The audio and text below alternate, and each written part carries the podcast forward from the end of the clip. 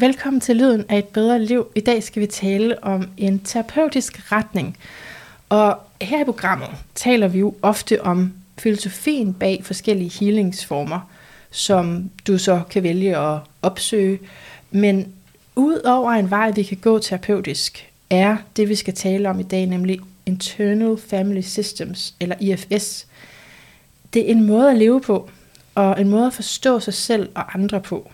Og derfor har jeg lyst til bare lige at starte med at sige noget astrologisk, fordi astrologisk kan vi kraftigt antage, at vi er ved at overgå til en ny bevidsthed, symboliseret ved Pluto i vandbærens tegn. Det er tegnet for mennesket, det er tegnet for videnskab, og Pluto er symbolet for psykologi og genfødsel. Så den transition, vi er i, vil vise os, hvordan vi er forbundne, også når den magt, der engang var central hos en autoritet, eller et system med nedarvede, indsnævrende forventninger og betingelser, nu i stigende grad bliver fordelt ud på øh, netværk af kreative mennesker. Så jeg ser Pluto som nøglen til evolution. Først peger symbolet på skyggen, de dybe følelsesmæssige mønstre, før vi indser begrænsningen og går igennem den udvikling, der er til os. Og, og den udvikling bliver så til empowerment. I vandbærens tegn, når Pluto er i vandbærens tegn, så handler det, det om at forbedre det kollektive. Øh, vandbæren er et tegn, der er rettet mod højere idealer. Så det her skift, vi taler om astrologisk, det går mod de højere idealer, og det går meget stærkt, fordi vandbæren er ikke følelsesmæssigt.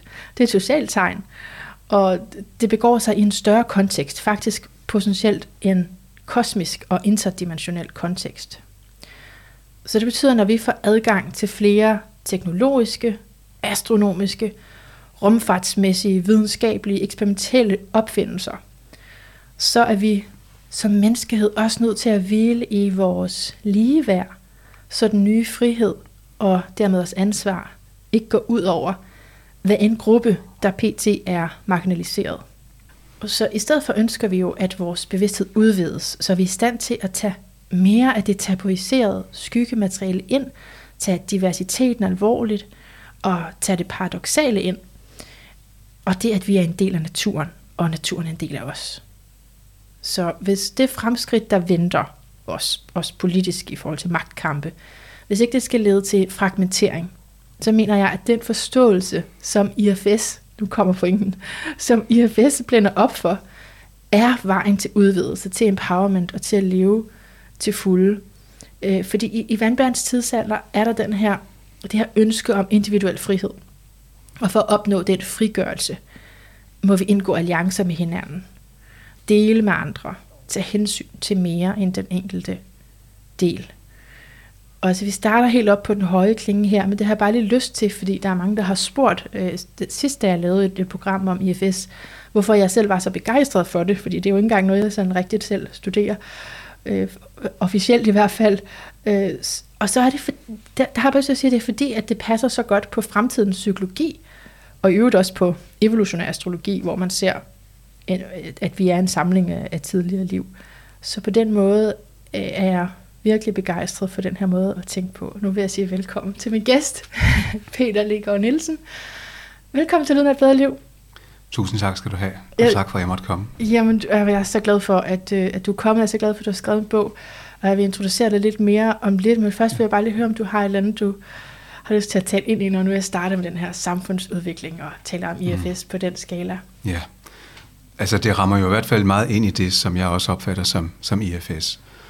Og, og man kan sige, at det rammer meget ind i den samfundsudvikling, vi ser i øjeblikket med, med store polariseringer, for eksempel. Øh, og det gælder jo både i meget små forhold og også i meget store forhold. Man kunne kigge på valgkampen i USA, for eksempel, som en tydelig, tydelig polarisering. Men man kunne også se det på den måde, at, som du også siger, der er brug for noget andet. Og, og det andet, tror jeg, det er at være det, vi kalder i IFS kalder for at være selvledet. Mm. At vi kommer fra selvet, og ikke fra det, vi kalder vores dele eller vores delpersonligheder. Og man kunne tage et eksempel som for eksempel Vogue-bevægelsen, mm. som er, jo har nogle utrolig smukke øh, idealer og, og idéer om diversitet og inklusion og ligeværdighed. Men vi kan jo også se, at det ofte ender i det præcis det modsatte, nemlig eksklusion, og øh, at mennesker bliver cancelled og eksileret, og, øh, og at det faktisk på en måde bliver en form for, øh, for tyranni, i stedet for at være den åbne demokratiske bevægelse, som det skulle gøre. Og det er for mig, ud fra et IFS-synspunkt, helt tydeligt, at det er fordi, der er nogle manager, som vi kalder det i vores system, der har taget over. Og manager, de har en idé om, at de skal kontrollere, de har nogle meget, meget gode hensigter, men de er meget ofte i virkeligheden små børn inde i os, som påtager sig det ansvar. Øhm, og når de først tager over op og begynder at styre for eksempel sådan en bevægelse, øhm, så ender de altid med at gøre det, som de frygter mest. Resultatet bliver altid det, som de frygter mest. Øh, Øh, og det, det er et af kendetegnene ved managerne. Vi kan snakke mere om senere, hvad de andre kendetegn er. Men, men det er nogen, vi kender særdeles godt, fordi de er meget aktive i alt det, vi foretager os i vores liv. Men de har den egenskab, at de meget ofte øh, kommer til at udløse det, som de vil undgå. Hvis Vogue havde været selvledet, så havde de smukke idealer været mulige at bevare øh, og arbejde ud fra at sige, nej, vi er faktisk åbne over for alle. Inden for IFS, der har vi den øh, sætning, eller det motto, at alle dele er velkomne. Ja. Øh, og, og alt, er, alt er inkluderet. Øh, og, og det er for mig, øh, det er selve grundlaget i IFS. Og det at sige, at alle dele er, er velkomne, betyder selvfølgelig ikke, at alle dele har ret til at tage over og styre, men at de er velkomne i systemet på deres egne betingelser. Men man kan også se på for eksempel en anden gruppe af, af dele, som øh, er dem, vi kalder de forviste dele, som er vores sårbare dele. Og jeg tror, at verden bliver styret af sårbare dele. Og jeg tror, at det er angst, der styrer verden. Øh, også når man kigger rundt øh, og, og, og ser på, hvad der sker på, på de store scener, øh, så tror jeg i høj grad, at det, det er angst, der, der styrer. Og man kunne sige, at det også igen er polariseret, fordi en af de store frygtscenarier for for eksempel at sige højrefløjen, det er indvandring, mens et stort øh, frygtscenarie for venstrefløjen, det er klimaforandringer. Og begge, begge sider demoniserer hinanden og bekæmper hinanden, øh, i stedet for at gå ind og se fra det selvledede sted, hvordan man rent faktisk kunne arbejde sammen og opnå et, et møde, øh, i stedet for hele tiden at blive mere og mere ekstreme. Og det sidste eksempel, jeg kunne tænke mig at tage frem, for eksempel, det, det var, at øh, det kunne være også interessant at se på sådan en, en, en person som vores statsminister, mm. øh, som i høj grad udviser det, som vi kalder en, en selvlignende del, som giver sig ud for at være selvet og være selvledet, men som er styret af det, som jeg før kaldte en manager, øh, som har en dagsorden. Øh, jeg tror, at dagsordenen er at være statsminister og, og, land, og landemoder, eller landsmoder hedder det.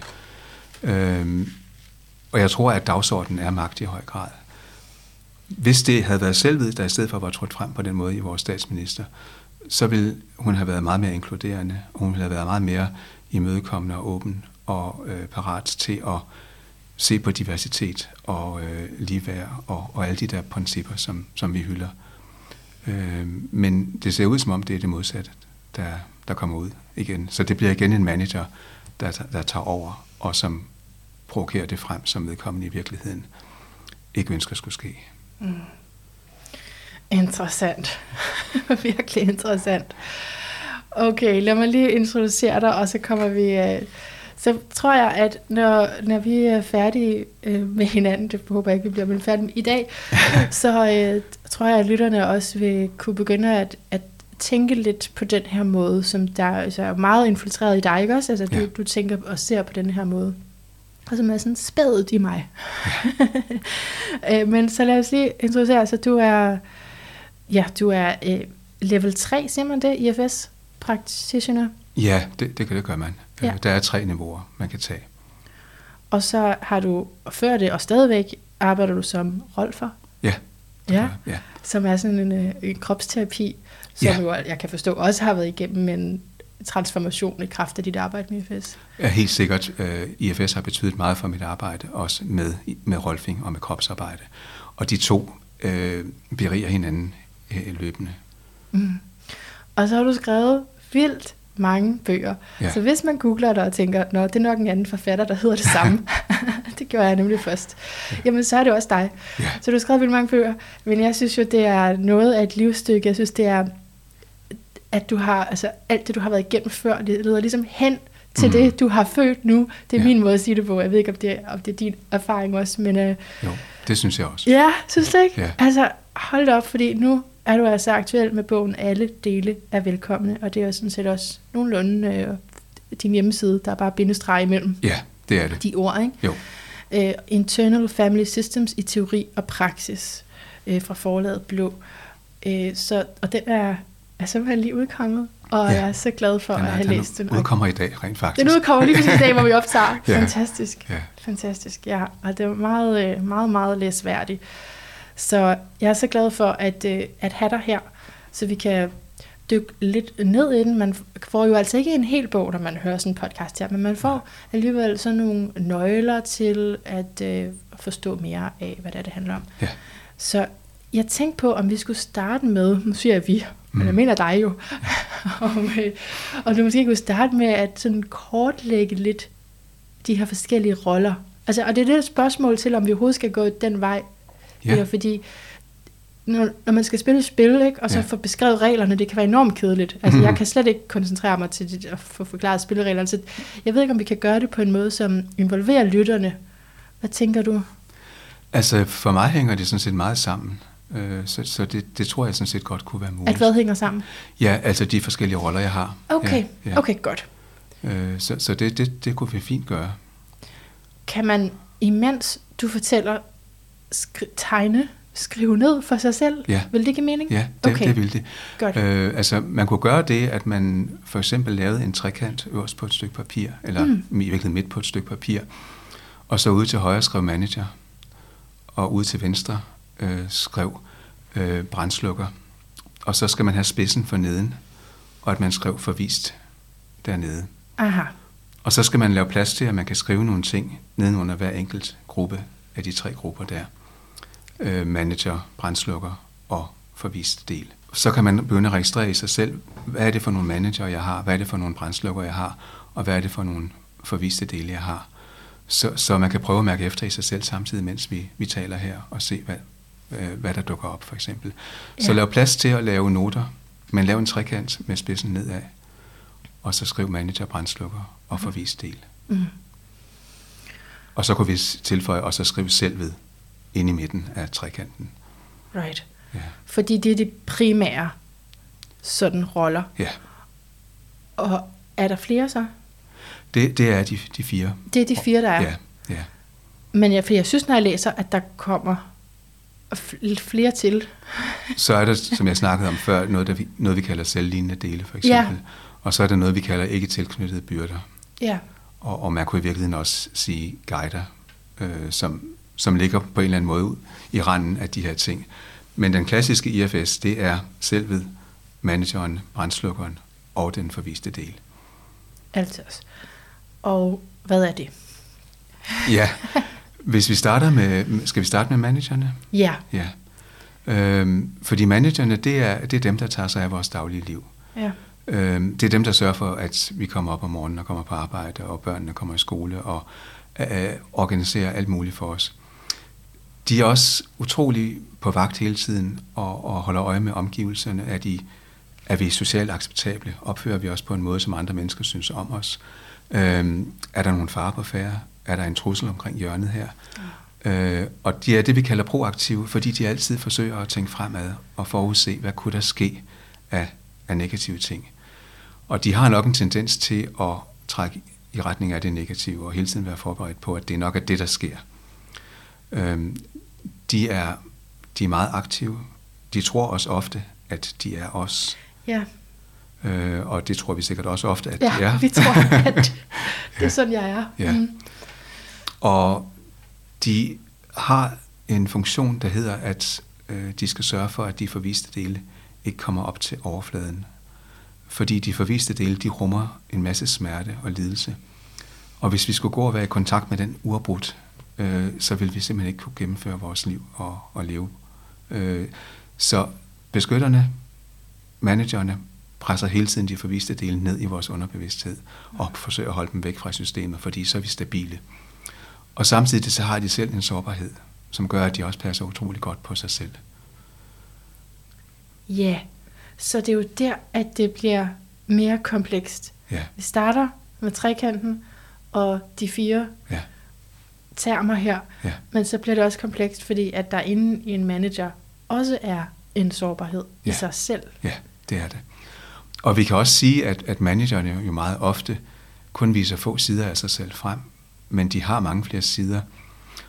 Og så længe de eksisterer i et system, som vi kalder øh, en persons psyke, øh, så længe de eksisterer der øh, i en ekstrem tilstand, så er de utrolig fokuseret på én ting eller nogle få ting. I det øjeblik, vi hjælper dem til at blive mindre ekstreme, så kan de begynde at folde sig ud som delpersonligheder inde i os, med den rigdom og den visdom, som, som de rummer. Men de er ofte ekstremt overbearbejdet, over, over, overarbejdet, hedder det. Øh, de, de arbejder hele tiden øh, og, og føler sig trætte og udmattede, og de kan ikke forstå, hvorfor at det arbejde, de gør, ikke giver et resultat, fordi meget ofte så får de ikke det ud af det, som de havde regnet med. Og de er skuffede og nogle gange bitre. Øh, så det er et hårdt liv at være, man, at være manager. Men når man, og vi har alle sammen managers. ja, det har Så, vi. Ja, vi har alle sammen alle delene. Okay. Altså, fordi jeg har skrevet en note til mig selv, om lige præcis de der managers, at hvad i hele verden skulle man ellers gøre uden dem. Ja. Men som jeg hører nu, så altså, det er, er det kun, når de er ekstreme, at de bliver skuffet og bitre, eller er det per definition? Man kan sige, at der er to måder, de kan være skuffede og bitre på. De kan være ekstreme, og så kan de være bebyrdet med en byrde. Og det vil sige en eller anden form for negativ forestilling eller en negativ følelse. Okay. Øh, opfattelse af, af verden for eksempel. Øh, eller noget andet, som de bærer på. Øh, og, og det gør, at de for at samle sig om det og for vel i en vis forstand for at overleve i den tilstand, øh, simpelthen bliver meget, meget indsporet og meget, meget sort-hvide. Hvis vi hjælper en manager med at ikke blive ekstrem længere, og hjælper vedkommende med at give slip på en byrde, hvis den bærer på en byrde, øh, så bliver de en helt anden form for, for dele ind i os. Øh, fordi så bliver de en støtte, en kreativitet, en, en, øh, en styrke. Øh, de bærer meget visdom, øh, og, og øh, har en, en, altså de kommer med righed, hvad skal man, altså øh, fylde alt det, som vi har, har brug for. Er det ikke noget med, at deres motto er, at man ikke vil lade sig udnytte igen? Det nej, de siger, det må aldrig ske igen. Det må aldrig ske igen. Ja. Så er det bare mig, der lagde, lagde det der udnytte ind. De er, de er lynhurtige til at omfatte, opfatte en situation og sige, det her, det var ikke godt for systemet. Det her, det må aldrig ske igen. Det må aldrig ske igen. Problemet er, at de bliver ikke opdateret. Øh, så det, der skete, da vi var tre år, og som aldrig må ske igen, det må heller ikke ske, når vi er 55. Men det, som manageren ikke ved, det er, at vi som 55-årige sagtens kan rumme en masse ting, som var traumatiske som treårige.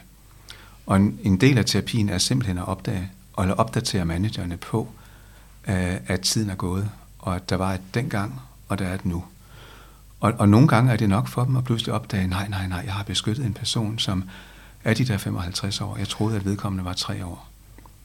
Øh, og, og, og, og nogle gange er det nok til, at de simpelthen trækker sig tilbage og siger, nu, nu kan jeg opgive det her hårde, hårde arbejde for at prøve at beskytte den her treårige. Okay. Jeg vil lige spørge dig om noget, ja. Mens lytterne forhåbentlig på et tidspunkt, det kan også være, at man lige skal komme tilbage til den her øvelse, men altså skriver ned jo alle de managers, man kunne finde i sig selv, Ja. som, er, Ja. som er karakteriseret ved det, du sagde der. Ja. Et spørgsmål, som jeg har haft, og det er måske lidt skørt, men jeg kan ikke lade være med at, at tænke, kan jeg ikke bare råbe ned til mig selv, til alle mine dele, og sige, jeg er 38 år. altså, jeg kan godt herfra, altså kan jeg, kan jeg sige det til Nej, dem? ja, det kan du godt, men det, det, de vil ikke høre det. Og hvad hvis man bare siger det igen igen? Jeg er så og så mange år, jeg er så og så mange år. det, det er muligt, at nogle af dem vil begynde at lytte efter. Okay. Men, men ofte så ved de ikke, du er der. De ved slet ikke, jeg er der. Nej. Og der sker tit det i, i barndommen, at det vi kalder selvet, bliver skubbet enten helt ud af kroppen, eller også at det bliver skubbet så langt ned i psyken, at delene glemmer, at vi har et selv. Øh, og det kan, være, det kan være for at beskytte det, fordi selvet må ikke på nogen måde blive udsat for, for far eller traume. Det, det er meget stærkt i sig selv, øh, men alligevel så øh, vil der være dele, der forsøger at beskytte det på den måde. Og det kan også være, at selvet har følt sig så uvelkommen, at det er flygtet af sig selv. Øh, så det er en form for dissociering, kunne man kalde det. Øh, der, man hører det simpelthen ikke. Og, og delene hører heller ikke hinanden øh, meget ofte, før at vi begynder at sætte dem i kontakt med hinanden. Der findes et utal af dele i os, som ikke ved, at der er andre øh, til stede, og de føler sig ensomme og forladte. Nå. Øh, og, og tror, de er alene i verden. Hvor hører de til i trekanten? De kan, de kan for så vidt høre til mange steder. Mange okay. af dem vil høre til nede hos de forviste dele. Okay. Men der er også mange øh, manager, der føler, at de arbejder helt alene og hårdt. Ja. Og der vil også være nogle brændslukkere, som føler, at jamen, øh, det er dem, der knokler for at holde det her system kørende, for at holde den her Okay. person. Okay, lad os, gå, lad os gå videre med trekanten. Ja, Så det var managerne. ja. Og så, hvad kommer så? Er der en Så lad os gå over til, til øh, brændslukkerne. Ja, Øh, fordi managerne og brændslukkerne, de er begge to dele af det beskyttende system, som vi har. Men brændslukkerne er diametralt modsat managerne. Øh, først og fremmest så er de det, vi kalder reaktive, det vil sige, de reagerer øjeblikkeligt, at der dukker en smerte op i systemet. Så sørger de for at tage os væk fra den, fordi vi skal ikke have smerte. Øh, og og øh, de kan gøre det på en masse velkendte måder. Øh, det handler om enten at få os til at flygte eller bedøve os. En meget typisk måde, det kunne være alkohol, eller ryge, eller tage stoffer. Øh, det kunne også være shop på internettet, eller se pornografi, øh, eller blive meget, meget vred. Øh, alle de der eksplosive følelser, som pludselig dukker op i os, og som vi ofte tænker, det er jo ikke mig, der, tænker, der, der gør det her, eller føler det her, eller tænker det her. Øh, men det er det. Det er bare en anden gruppe af dele i os, som, som reagerer på den måde. Og de er socialt uacceptable i modsætning til managerne, fordi de gør alle de ting, som man ikke skulle gøre socialt, og de er fuldstændig ligeglade med, hvordan andre betragter en. Desværre er de også fuldstændig ligeglade med, hvad de gør i systemet, øh, fordi for dem handler det primært om at undgå, at systemet skal mærke smerten. Og det vil sige, at de er sådan set parat til at gøre hvad som helst. Og de har ikke altid forståelse for, hvad konsekvensen af det, de gør, er. Man kan sige, at den ultimative øh, ting, som de nogle gange ser som en løsning, det er selvmord. Mm. Øh, fordi at det er også en måde få smerten til at holde op på. Mm. Men det kunne også være det at selvskade, for eksempel.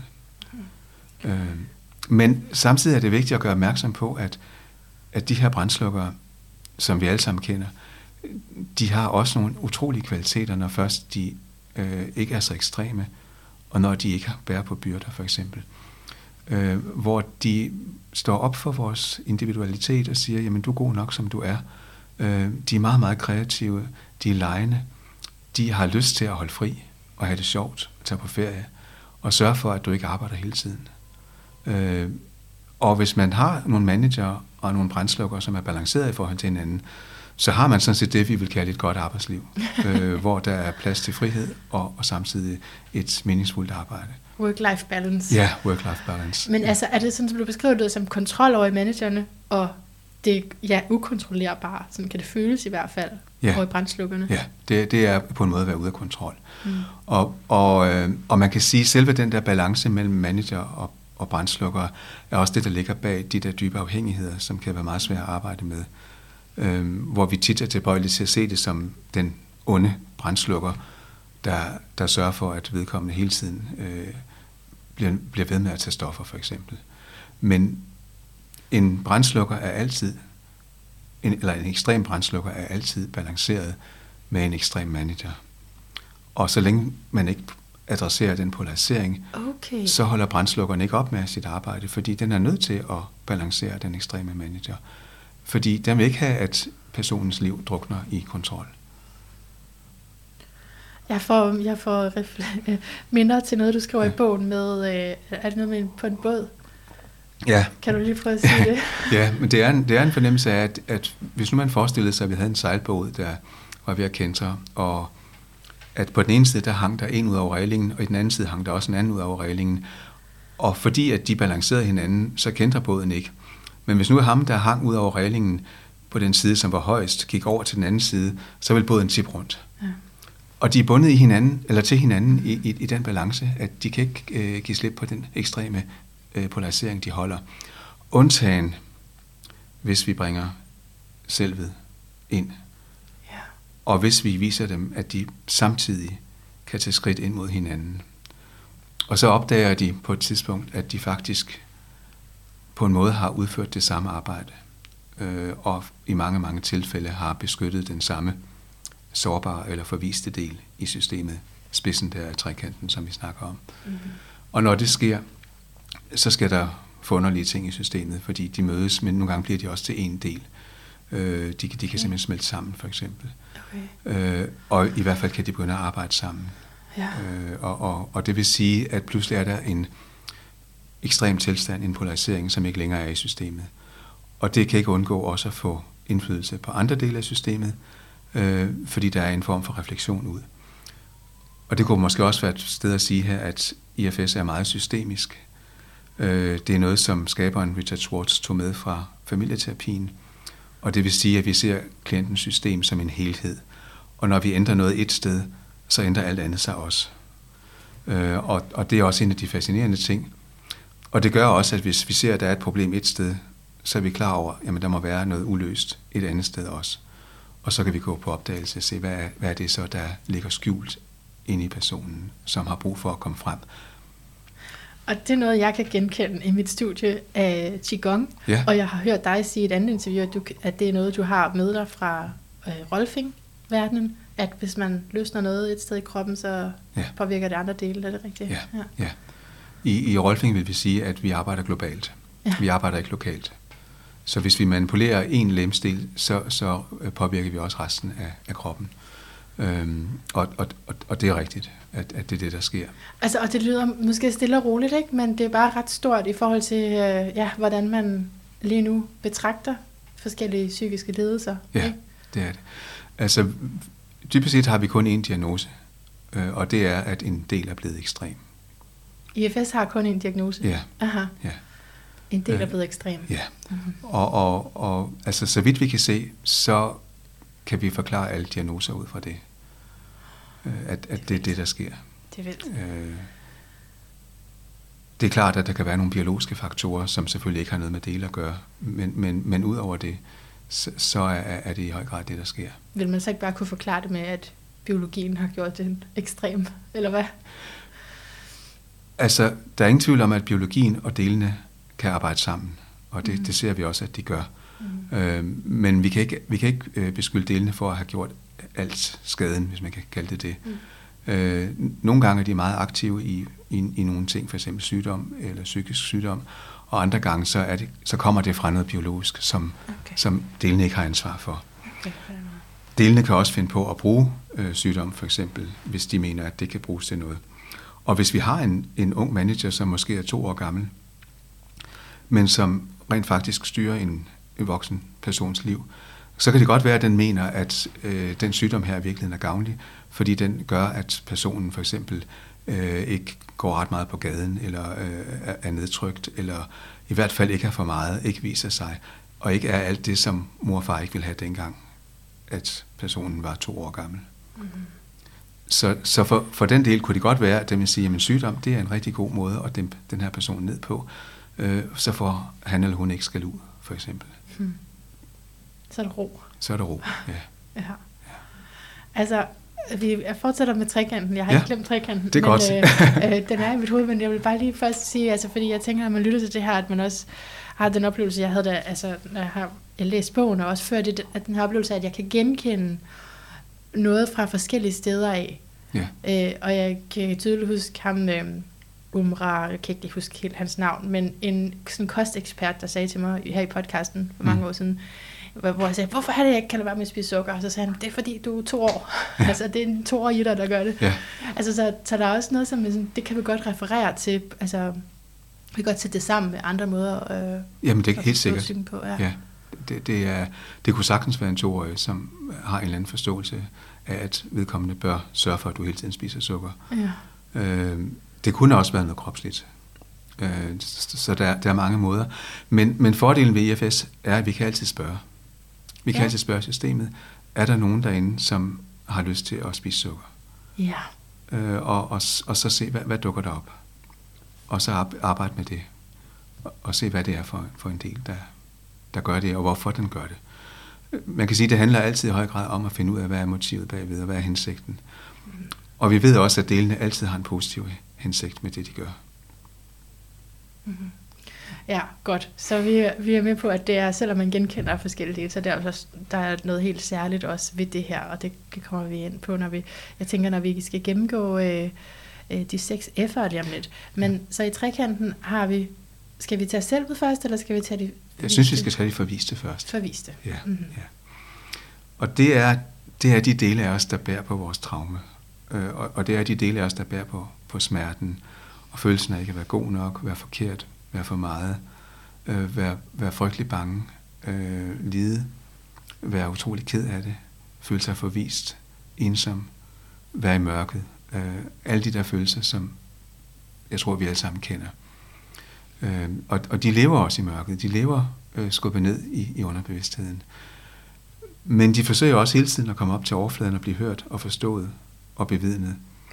Og det er derfor, at øh, managerne og brændslukkerne er så opsat på at holde dem nede, øh, eller de er nødt til at være det, fordi at de forviste del hele tiden forsøger at komme op.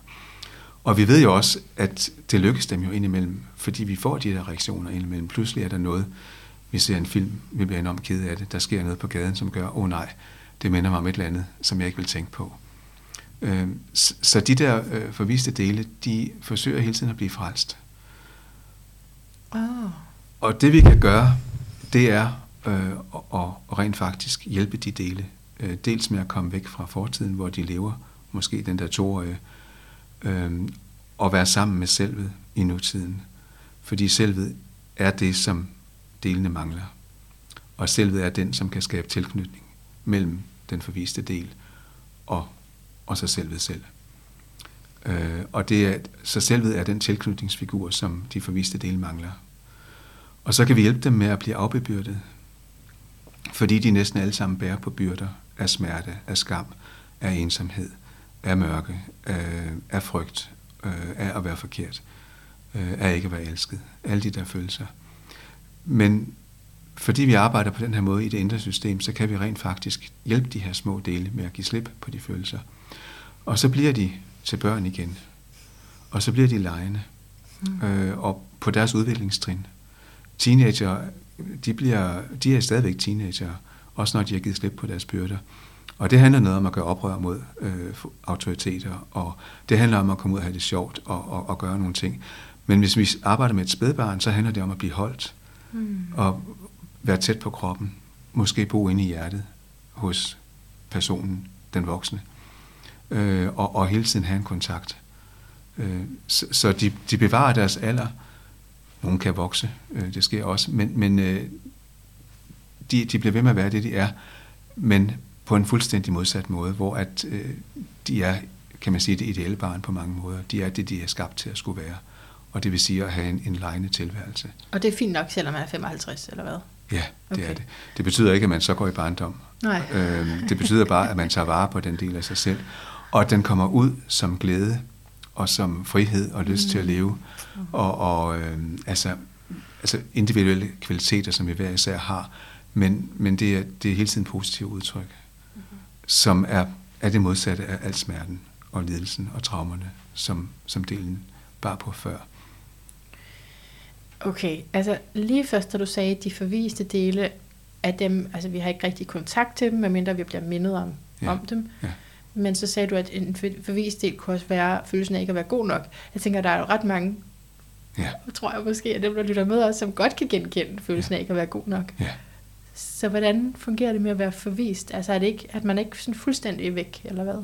Nej, man er ikke fuldstændig væk. Nej, okay. Nogle ting er fuldstændig væk, og andre ting ligger tættere på overfladen. Okay. Øh, og, og, og, og vi dykker jo hele tiden ned i det. Jeg ved ikke, om, om vi ikke alle sammen i løbet af en dag i, virkeligheden dykker ned i, i de lag og mærker nå, puha, det var ikke godt det her. Men som ofte skynder vi os jo også videre. Ah. Fordi der er en manager, der sørger for, at vi går videre. Og det er navnet, altså to manage it. Ja, eller en brændslukker, der, der ja. sørger for, at vi går videre. Ikke? Altså, ja. Jeg skønt så at tage, altså faktisk skal give det, ja. forstå ordene, så det er sådan skønt at komme væk fra den fare der. Ja, okay. simpelthen. Mm. Øh, lad være med at blive stående her og mærke efter der. Øh, det bringer fare for systemet, og det bringer os, det gør også os sårbare. Øh, så, så det er, det føler det beskyttende lag bestemt ikke er nogen god idé mm. at opholde sig der. Men det vi så gør i IFS, det er, at vi arbejder med beskytterne, og vi går ikke til de forviste dele, før at både managerne og brændslukkerne har sagt, jamen det er i orden, vi giver lov. Vi har tillid til, at systemet kan holde det her, og det er trods alt kun en time i den her session. Hvis nu det viser sig, at det ikke kan lade sig gøre at hjælpe de forviste, så kan vi jo bare gå tilbage og beskytte på samme måde, som vi gjorde før. Men i det øjeblik, at de beskyttende dele giver lov til, at vi kan arbejde med de forviste dele, så kan vi hente dem ud af fortiden, og vi kan hjælpe dem med at slippe de byrder, som de bærer på. Mm. Men også for, for at vende tilbage til det, du sagde før, der med, jamen altså, hvis nu jeg mærker, at jeg er forkert, yeah. øh, så sker der det, at der er en brændslukker, der springer frem og overtager kontrollen fra manageren. Og det bliver manageren rasende over, for oh. den vil have kontrollen. No. Øh, den forviste del bliver skubbet ned igen af brændslukkeren. Manageren bliver rasende. Og så gør manageren det, at den begynder at udskamme brændslukkeren. For eksempel. Og så kører spillet mellem dem på den måde. Og det er derfor, vores systemer bliver mere og mere ekstreme. Øh, fordi så næste gang, at den forviste del forsøger at komme op til overfladen og føler, nej, nu er jeg forkert igen, så er brændslukkeren måske nødt til at være en lille smule stærkere i sin reaktion. Lidt mere ekstrem. Og for at genvinde kontrollen, så er manageren nødt til også at være lidt mere ekstrem. Og, og så kan de fortsætte på den måde. Og det vi ønsker, det er at gå den modsatte vej, hvor delene bliver mindre og mindre ekstreme, og hvor vi til sidst får adgang til at hjælpe den forviste del. Mm. Men jeg tror, vi alle sammen kender den der situation af, at man har været i byen og kommet til at drikke for meget og har opført sig virkelig åndssvagt. Og det er en brændslukker, der er taget over. Okay. Øhm, og næste morgen så vågner man op, og man har det simpelthen forfærdeligt, man har tømmermænd, og man er nødt til at ringe rundt til øh, fem forskellige mennesker og undskylde, hvad man har gjort. Det er managerne, der rydder op, og de er rasende over det, okay. og skulle gøre det, og holde styr på den der elendige brændslukker, som har lavet alt det ballade. Øhm, og, og, og det spil kan så foregå frem og tilbage på den måde. Altså, vi kan godt bare lige give det et andet eksempel også. Ja. For os, der ikke går så meget i byen, men som måske har et temperament. Ikke? Eller, eller det er jo måske faktisk også en, en sur manager, der siger, at det er et temperament. Altså, ja. Fordi det, oplevelsen er, der er noget, jeg ikke kan styre. Jeg blev trigget, ja. og jeg kom til at sige det der, jeg kom til at være i den her måde på min krop, og jeg er simpelthen bare så ked af det nu, når jeg skal ja. beklage. Og, ja. Ja. Så, ja. så der er en udskammer. Ja. Og det er en manager, der, der gør det. Mm. Ja. Ja, altså oplevelsen af at blive triggeret, det ligger i brændslukningen. Ja. Mm-hmm. Det er, det, er, det er brændslukkeren, der først får os til at reagere på det, som manageren opfatter som en meget uhensigtsmæssig måde. Ja. Som, som den synes ikke gør, at vi tager os godt ud i øjnene hos andre mennesker, Lige for eksempel. præcis. Ja. Jeg har den her sætning, jeg vil ikke være sådan. Nej. Det kan jeg godt sidde til terapi og bruge lang tid på. Ja. Jeg vil ikke være sådan. Nej. Så derfor er det også enormt dejligt at høre, hvordan at I tager hensyn til de her beskyttende dele. Mm. Ja. Fordi ellers så sidder jeg bare en helt til, til situation og holder fast i, men jeg vil ikke være sådan. Ja. Så det ja. gør jeg bare ikke igen. Nej, nej. Og så vil jeg jo spørge dig, hvad er det for en del, der siger det? Ja. Og så er det jo en del, som vi vil arbejde med med stor respekt, fordi vi er klar over, at den gør et stort arbejde for dig. Yeah. Den knokler for at holde dit system på plads på den måde. Føler den i hvert fald selv. Ja. Yeah. Så ja. Så det er en manager, der vil sige sådan? Ja. Yeah. Mm-hmm. Okay. Så skal vi gå videre til... Jeg tror, vi skal have selvet med os. Nej! ja, men det var fordi, jeg synes, du havde sagt lidt, at det var tilknytningsfiguren, men endelig lad os give den fuld plads. Ja, det synes jeg, vi Midten af trekanten. Ja.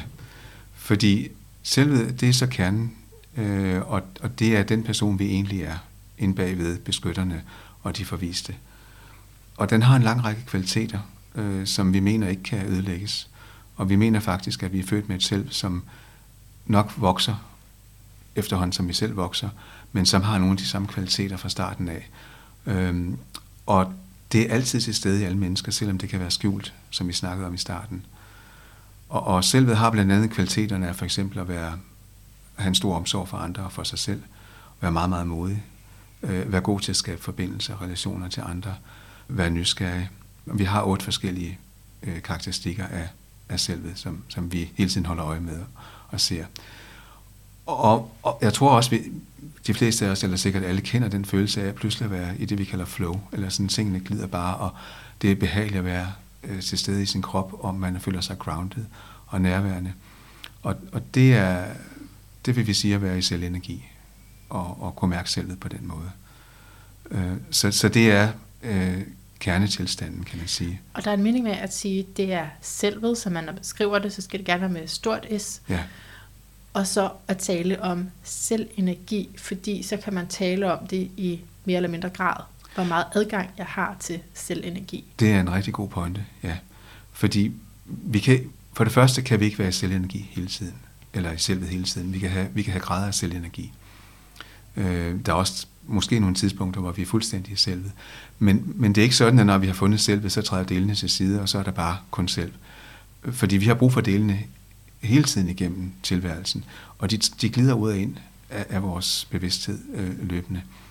Men der sker det, at selvet har en utrolig god egenskab, som er at kunne lede systemet. Og den har ingen agenda, i, i modsætning til for eksempel managerne, som har de der stærke agendaer. Og når det er selvet, der leder, så bliver vi meget mere åbne. Og når, når jeg taler fra selvet, så provokerer jeg ikke dine beskyttere, men så taler jeg med dit selv. Ej, det er vildt, ikke? Ja, og det betyder, at, at når vi er i selvet, så, frem, så fremkalder vi også selvet i andre. Men hvis jeg taler til dig fra mine beskyttere, så er det dine beskyttere, der svarer. Og hvis jeg siger noget kritisk, så vil dine beskyttere en brændslukker, og øjeblikkeligt far op og sige, det der, det gider jeg ikke høre på. Og så kommer der en eller anden vredt reaktion, eller en ked af reaktion, eller noget andet. Men hvis jeg sagde det samme til dig fra selvet, så vil du lytte til, hvad jeg sagde. Wow. Øh, og, og, og, og det er en af grundene til også, at, at det er så utrolig vigtigt at, at have den kontakt. Men som IFS-terapeuter er vi også nødt til at møde vores klienter fra selvet. Fordi vores opgave er at hjælpe dem med at finde deres eget selv. Ja, så det er vel ikke sådan, jeg kan sige, fordi du taler til mig for dine beskyttere, så kan jeg slet ikke have adgang til selvet. Altså det er vel altid vores opgave. Ja. Altså nu, nu kan man sige, nu kender jeg mit system rimelig godt, og du kunne også tale til mine beskyttere, og så vil jeg stadigvæk kunne svare for selvet. Mm-hmm. Det er ikke sådan, at det er en, mm-hmm. en tvungen reaktion. Mm-hmm. Men, men når vi er ubevidste om det, så er det oftest den måde, som øh, vi taler sammen på. Og det gælder specielt i vores nære relationer, vores parforhold, øh, hvor de der endeløse konflikter handler om øh, beskyttere, som bekriger hinanden. Og hvis vi ser de der trekanter, som vi snakkede om i starten, så kan man sige, at, at hver partner i et forhold har en trekant. Vi Men snakker de, stadig om trekanten. Ja, faktisk. stadigvæk, ja. Men de holder sig ikke inden for deres egen trekant. Aha. De er også til stede over i den anden trekant, og det giver en frygtelig masse problemer. Det er blandt andet det, vi kalder med, medafhængighed. Hvem af delene er så med over i den anden trekant? Det kunne fx være en, en, en, en uh, manager, okay, som, som forsøger at kontrollere den anden. Holde styr på, ja. ja, mm-hmm. ja. Eller som en, som, som hele tiden underkaster sig. Mm-hmm. Uh, så så uh, selvet er utrolig vigtigt. Og det er også selvet, der har en spirituel karakter, som vi også arbejder med i IFS. Vi taler nogle gange om, at der er et, et øh, større selv end det, som vi selv går rundt med, mm-hmm. og vi deler et større selv. Men delene, beskytterne og de forviste har også et selv. Ja. Øh, som, som man sådan set også kan arbejde med. Har, har alle delene et selv? Ja, de har også et selv. Det er bare ikke så stort. Mm-hmm. Men de har en gnist af selv i sig. Og vi kunne også kalde det det guddommelige, øh, hvis man vil det. Okay. Så det er jo i hvert fald endnu et grundlag for ikke at patologisere, og ikke at sige, ja. den del, sådan vil jeg ikke være, ja. for eksempel. Ja. Det kan jeg ikke sige, fordi der er også noget guddommeligt i den del. Det er der, mm. ja. Og det er måske også en point at sige, at, at vi kan ikke få delene til at gå væk. Det er der masser af manager, der gerne vil. Øh, for eksempel er der også masser af manager, der gerne vil have, at at en person går i terapi, fordi så kan, de, så kan terapeuten hjælpe med at styre brændslukkerne. Yes. Øhm, men vi ved, at dele ikke kan, de kan ikke dø, før personen dør. Øh, så vi, det, vores opgave er ikke at få nogen dele til at gå væk, det er at forstå dem. Jeg har læst i din bog, ja. at selvet kan ikke gøre noget uden delene. Det er rigtigt. Ja. Og, det, og det er sådan, det, det andet led af, af selvet, det er, at det er, god, det er virkelig godt til at lede, det er godt til at lave relationer, det er interesseret i kærlighed og omsorg. Men det har ikke nogen, det, det er også et aktivt selv på den måde, men det kan ikke gå ud og handle i, i omverdenen. Øh, det er derfor, vi har, selv har brug for delene til at, at være ligesom, man kunne sige næsten som lemmerne, dem, der, der laver alt det, der skal, der skal laves rundt omkring. Og så kan man så sige, jamen hvorfor kunne delene så ikke bare gøre det? Men det er, fordi de ikke er i stand til at interagere med hinanden på fornuftige måder, uden at selvet er til stede. Så selvet er ligesom dirigenten, der står og styrer et stort orkester. Musikerne kunne godt spille uden dirigenten, men det ville blive forfærdeligt at lytte til. Og dirigenten kunne også godt dirigere uden musikerne, men der vil ikke komme musik ud af det. Øh, og, og det er præcis det samme forhold, der er mellem selvet og delene. Right.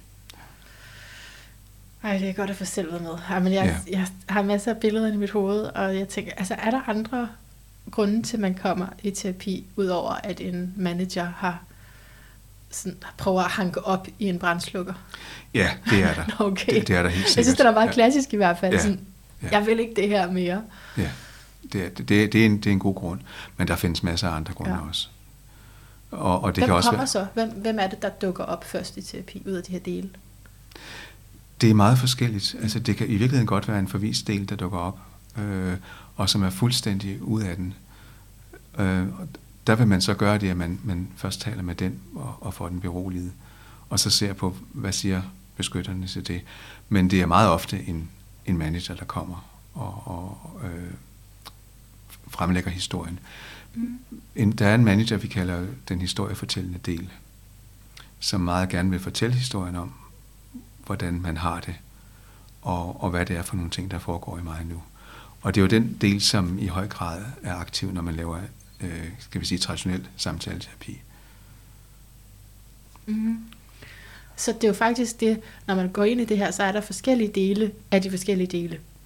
Det, det er det også, men, men det er faktisk ikke det, der er her nu, fordi man kan sige, at, at den del, der er den fortællende del, det er bare en, en manager. Det er bare en helt almindelig manager. Ja, den er der bare. Okay, det er bare, det ligger til manageren, at vil fortælle historier. I hvert fald den type manager. Ja. Ja. Øh, der er andre, der aldrig vil gøre det. Øh, der er nogen, der bare vil stå med et svær og, og, og passe på. Ikke? Så der er For forskellige typer i kategorien af manager. Ja, det er jo det, det er uendeligt. Variationen er uendelig, vil Godt jeg sige. så. Ja, ja.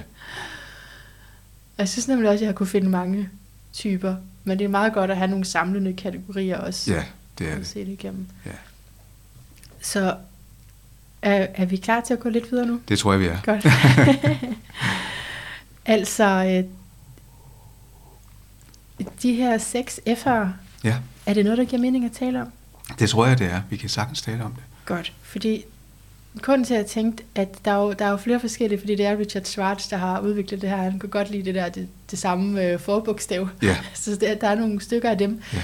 Men grunden til de, de seks F'er, det er fordi, jeg forestiller mig, at måske nogen, der lytter med, som selv er terapeuter og gerne vil vide, jamen hvordan gør man? Hva- Hvordan gør vi med det her IFS? Ikke? Og du har også en pointe i bogen om, at selvom det er nemt at øh, forene i sig selv, altså forstå umiddelbart, så kræver det rigtig meget Ja. at, at faktisk arbejde terapeutisk med.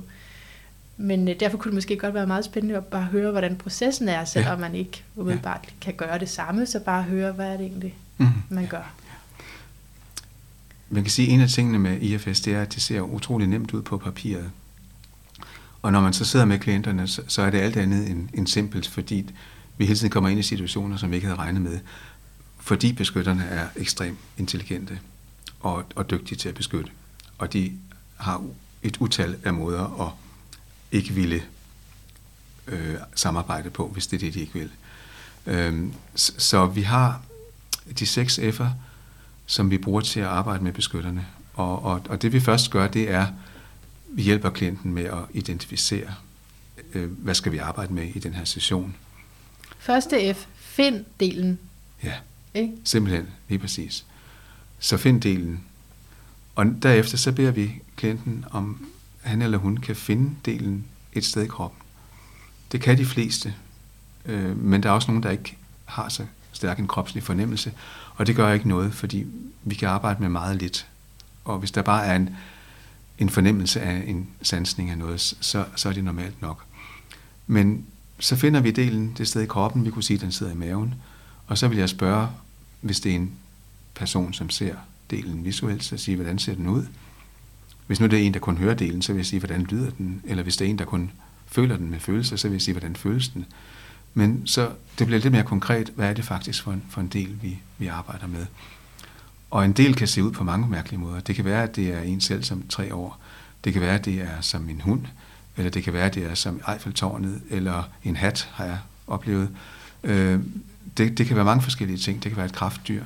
Øh, ofte så har de en menneskeskikkelse, eller også så får de ofte en menneskeskikkelse, mens vi arbejder med delen. Det er det andet trin. Og derefter så går vi til et trin, hvor vi øh, spørger, hvad... Nå, var det andet trin, at ja. finde ud af, hvad det var? Ja. Okay, så andet trin hedder fokusere på delen. Der ja. var jeg ikke overvågen nok.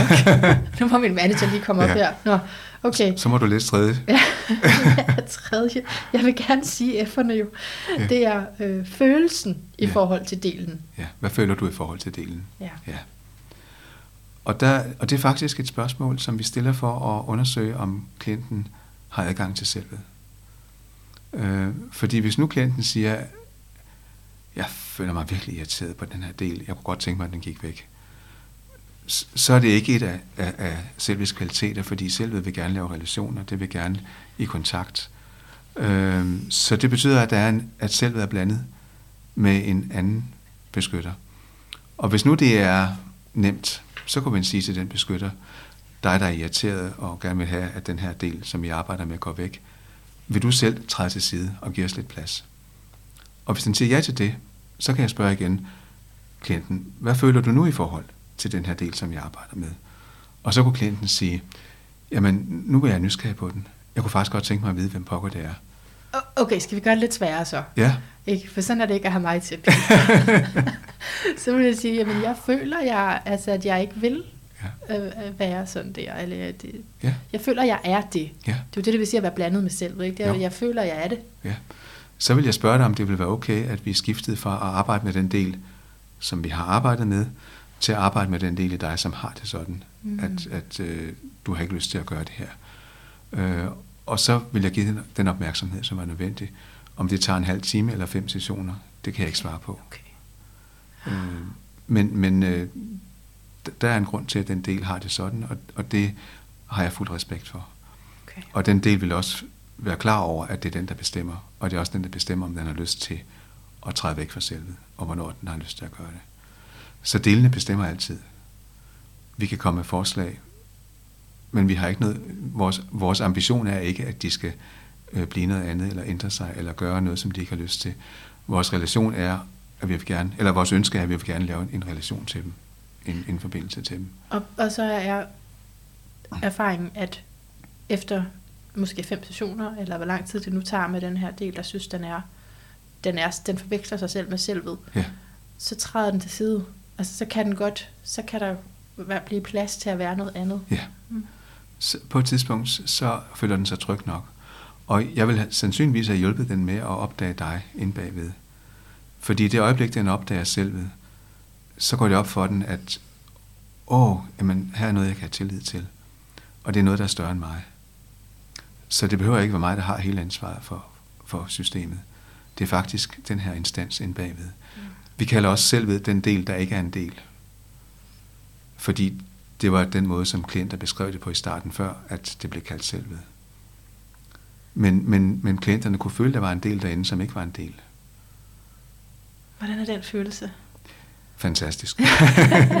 ja. Det, det, for, nogle, altså, for nogle mennesker er det så voldsomt, at de begynder at græde, og for andre mennesker er det en, en, en mere almindelig følelse. Uh-huh. Øh, men som jeg også skriver i bogen, at, at selv det at møde selvet er ikke nogen magisk pille. Det er ikke sådan, at, at det er en eller anden magisk tænkning. Når først vi har fundet selvet, så bliver livet bare fuldstændig perfekt. Altså, det, det er måden, vi er i forhold til livet på, som ændrer sig. Men der er de samme udfordringer. Man forholder sig til de udfordringer fra et andet sted. Lige præcis. Mere voksen sted. Ja. Altså det der med at spørge, hvad føler du i forhold ja. til det, det kalder vi også deldetektoren, fordi den hjælper os med at detektere, om selvet er blandet sammen med nogle dele. Det er nemlig sådan noget, jeg tænker, der godt ja. kunne være svært, når man er ny ja. i FS. Ja, men det er det også. Og jeg tror i virkeligheden, det er noget, man aldrig bliver færdig med at undersøge, okay. øh, fordi der er altid nye vinklinger på det. Ja. Og, og, og, og der kommer nye klienter ind med nye konstellationer, som, som gør det også, at det bliver ved med at være interessant og være nysgerrig og se, hvad pokker er det, der sker. Og for os, der også prøver IFS til os selv, altså, eller det tænker jeg, man også gør som IFS-terapeut, ja. men øh, det er så, altså, men jeg snyder da tit mig selv, eller jeg kan, og når jeg prøver at anlægge det her perspektiv, så kan jeg jo godt blive i tvivl også, ikke? Altså, så det ved ikke, om du har en nøgle til det. Altså, og det, jeg taler om, det er, at jeg kan rationalisere noget. Jamen, ja. jeg har den her holdning, ja. og så er der ligesom, ligesom det, du snakker med, med Vogue-bevægelsen. Ja. Ja. Altså, jamen, jeg har egentlig nogle gode værdier, og derfor så gør jeg, så handler jeg på den her måde. Men det er ikke fra selvet, det er stadig virkelig umodent. Ja. Jeg tror, jeg vil opfatte det sådan, at, at selvets kvaliteter sådan set når den beskytter, altså på en eller anden måde beriger den beskytter, for den har nogle gode intentioner, som er minder om selvets intentioner. Men så har den også de andre sider, som en, en, en manager har. Og, og jeg vil anerkende den og validere den for at sige, at jeg kan se, at du har nogle virkelig smukke hensigter, nogle virkelig smukke idéer øh, om, hvad du vil, og, og, og, og jeg vil gerne øh, være nysgerrig og, og vide lidt mere om dig. Har du lyst til at fortælle, hvordan, øh, hvem du er, hvad, hvad du gør, og, og derfra kan det så udvikle sig. Mm. Øh, men også hjælpe den del med at forstå, at den faktisk ikke er dig, mm. men at der er et selv inde bagved, som I fuldstændig udtrykker de her smukke idealer. Mm. Og, og nogle gange kan det være så simpelt som at sige til den beskytter, prøv lige at dreje dig rundt og kigge bagud og se, hvad du så ser, hvis du ser ind mod midten. Og så sådan sige, det har jeg jo aldrig gjort før. Se ind mod midten. Ja. Wow. Og så pludselig så ser den, okay, der er noget her, som er fuldstændig nyt. Og, og de bliver ofte meget, meget overrasket, når det sker. Ej, det, det kan jeg godt tage med som en nøgle. Ja. Se ind mod midten. Ja. For jeg har mange sådan nogle rationaliseringer. Kender ja. du det? Ja, det gør jeg. Ja. Men jeg vil også sige, at vi ved også erfaring, at der er grænser for, hvor meget vi kan gøre med os selv. Øh, Aha. det betyder noget at sidde med en terapeut. Ja, okay. Og vi kan alle sammen arbejde med os selv, og det er også meget almindeligt, at klienter, der går i IFS-terapi, arbejder med sig selv øh, imellem sessionerne. Men når man skal lidt dybere ind i psyken, så, så er det simpelthen nødvendigt at have en anden person med. Jeg kan heller ikke øh, være min egen terapeut øh, i tilstrækkelig grad. Jeg kan være det på nogle punkter, men, men det er nødvendigt for mig at have en anden IFS-terapeut til at hjælpe mig.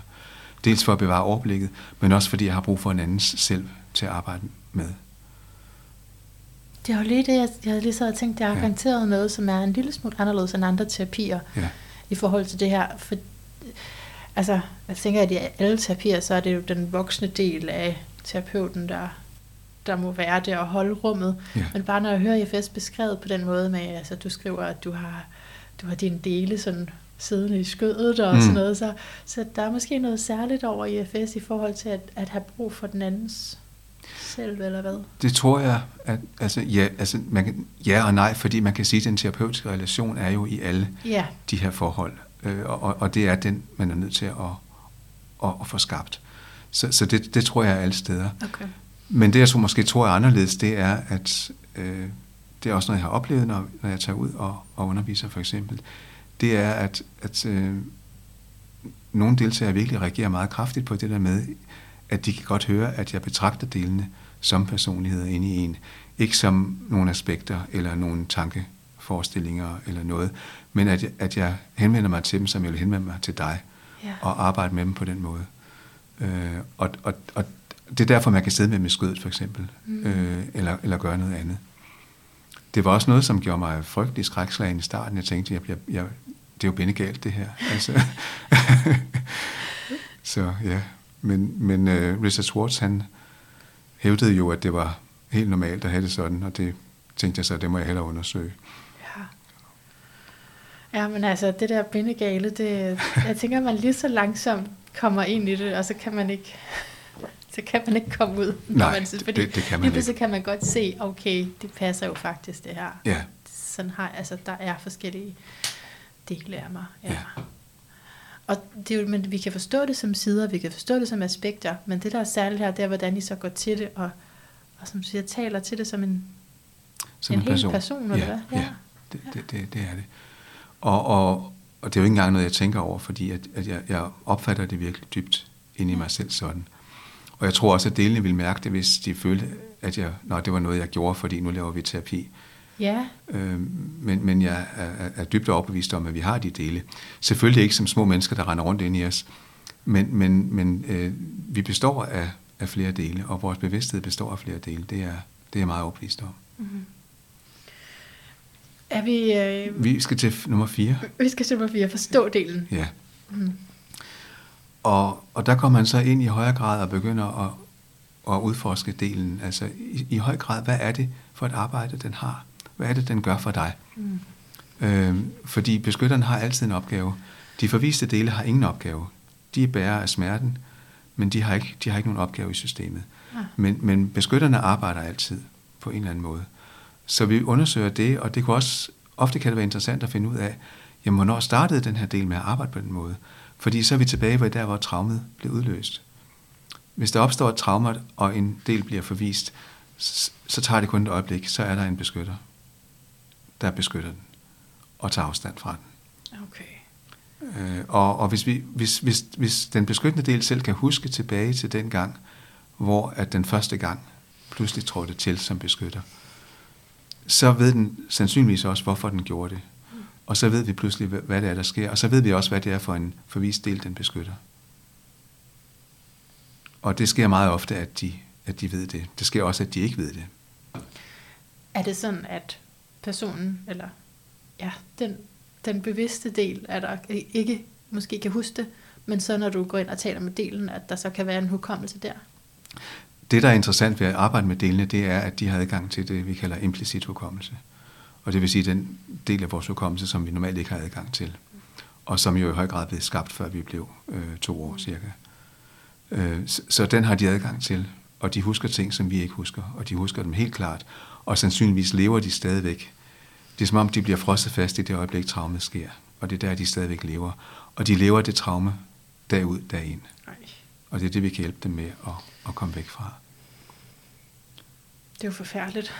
Ja. Faktisk at tænke på. Ja, det er det. Men altså, måske er det meget godt at tænke på, at Richard Schwartz også har sagt, for eksempel, hvis nu vi opdager en forvist del, og enormt gerne vil hjælpe dem, men ikke har tid, øh, på grund af stationen er færdig eller noget andet, hvor han siger, jamen de har levet der så længe, de kan sagtens holde ja. til en uge til.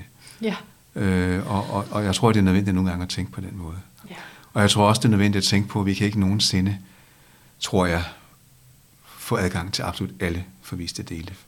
Øh, fordi der, der er ligesom endeløse lag af, af, af dele, vi kan, vi kan arbejde med. Men det, vi kan få fat på, det er en, kan man kalde det en, en, en betydningsfuld del, som gør, at ens liv ændrer øh, retning eller måde at være på. Uh. Vi siger også, at vi får adgang til en, en kritisk masse af, af selv. Øh, og, og hver gang der så dukker en forvist del op, så bliver det meget nemmere at, at være sammen med. Vi skubber den ikke længere væk, men, men accepterer den. Uh. Fordi beskytteren ikke længere træder ind. Og healingen bliver lettere simpelthen. Healingen bliver lettere, ja. Mm-hmm. Meget okay. lettere. Og det var godt. Jeg havde lige brug for lidt trøst. så ja. nummer fem, ja. forbinder ja. med delen. Og der udbygger vi så det i, i, i, i punkt nummer 4. Og det vi her er, blandt andet er meget optaget af, det er også, hvordan opfatter delen rent faktisk klienten eller selvet. Øh, hvor, er, har, har delen tillid til klienten? Og hvis ikke delen har tillid, hvorfor ikke? Fordi vi kan ikke arbejde på at hele systemet, hvis ikke der er tillid. Det er en grundforudsætning. Mm. Og den er vi nødt til at skabe først. Øh, så det er det, vi kalder selv til del relationen, vi arbejder utrolig kraftigt med der. Det, det er et meget vigtigt begreb i IFS, selv til del. Men det går også den anden vej, det er også del til selv. Det snakker vi ikke altid så meget om, men den, den vinkling er lige så vigtig. Øh, så relationen frem og tilbage, det er en tovejs relation. Og, og det er den, vi så sørger for at skabe der. Det kan gå meget hurtigt, det kan også være en lang udforskning. Mm. Og det fører så over i øh, det sidste punkt. Jeg er slet ikke klar til den nu. Nå, okay. jeg, jeg sidder begravet i fortiden ja. og tænker ting. Ja. Fordi, fordi øh, altså jeg har et meget klart eksempel på det der med ikke at stole på sig selv. Ja. Og fordi øh, da jeg gik ud af en religion, ikke også, ja. så havde jeg jo oplevelsen af, jeg har taget fejl hele mit liv. Mm. Så no way, at jeg stoler på dig igen. Nej. Altså sådan sagde jeg til mig selv. Ikke? Ja. Jeg kan ikke stole på, hvad end du kommer til at tro på, så tror jeg ikke på det. Nej. Ja.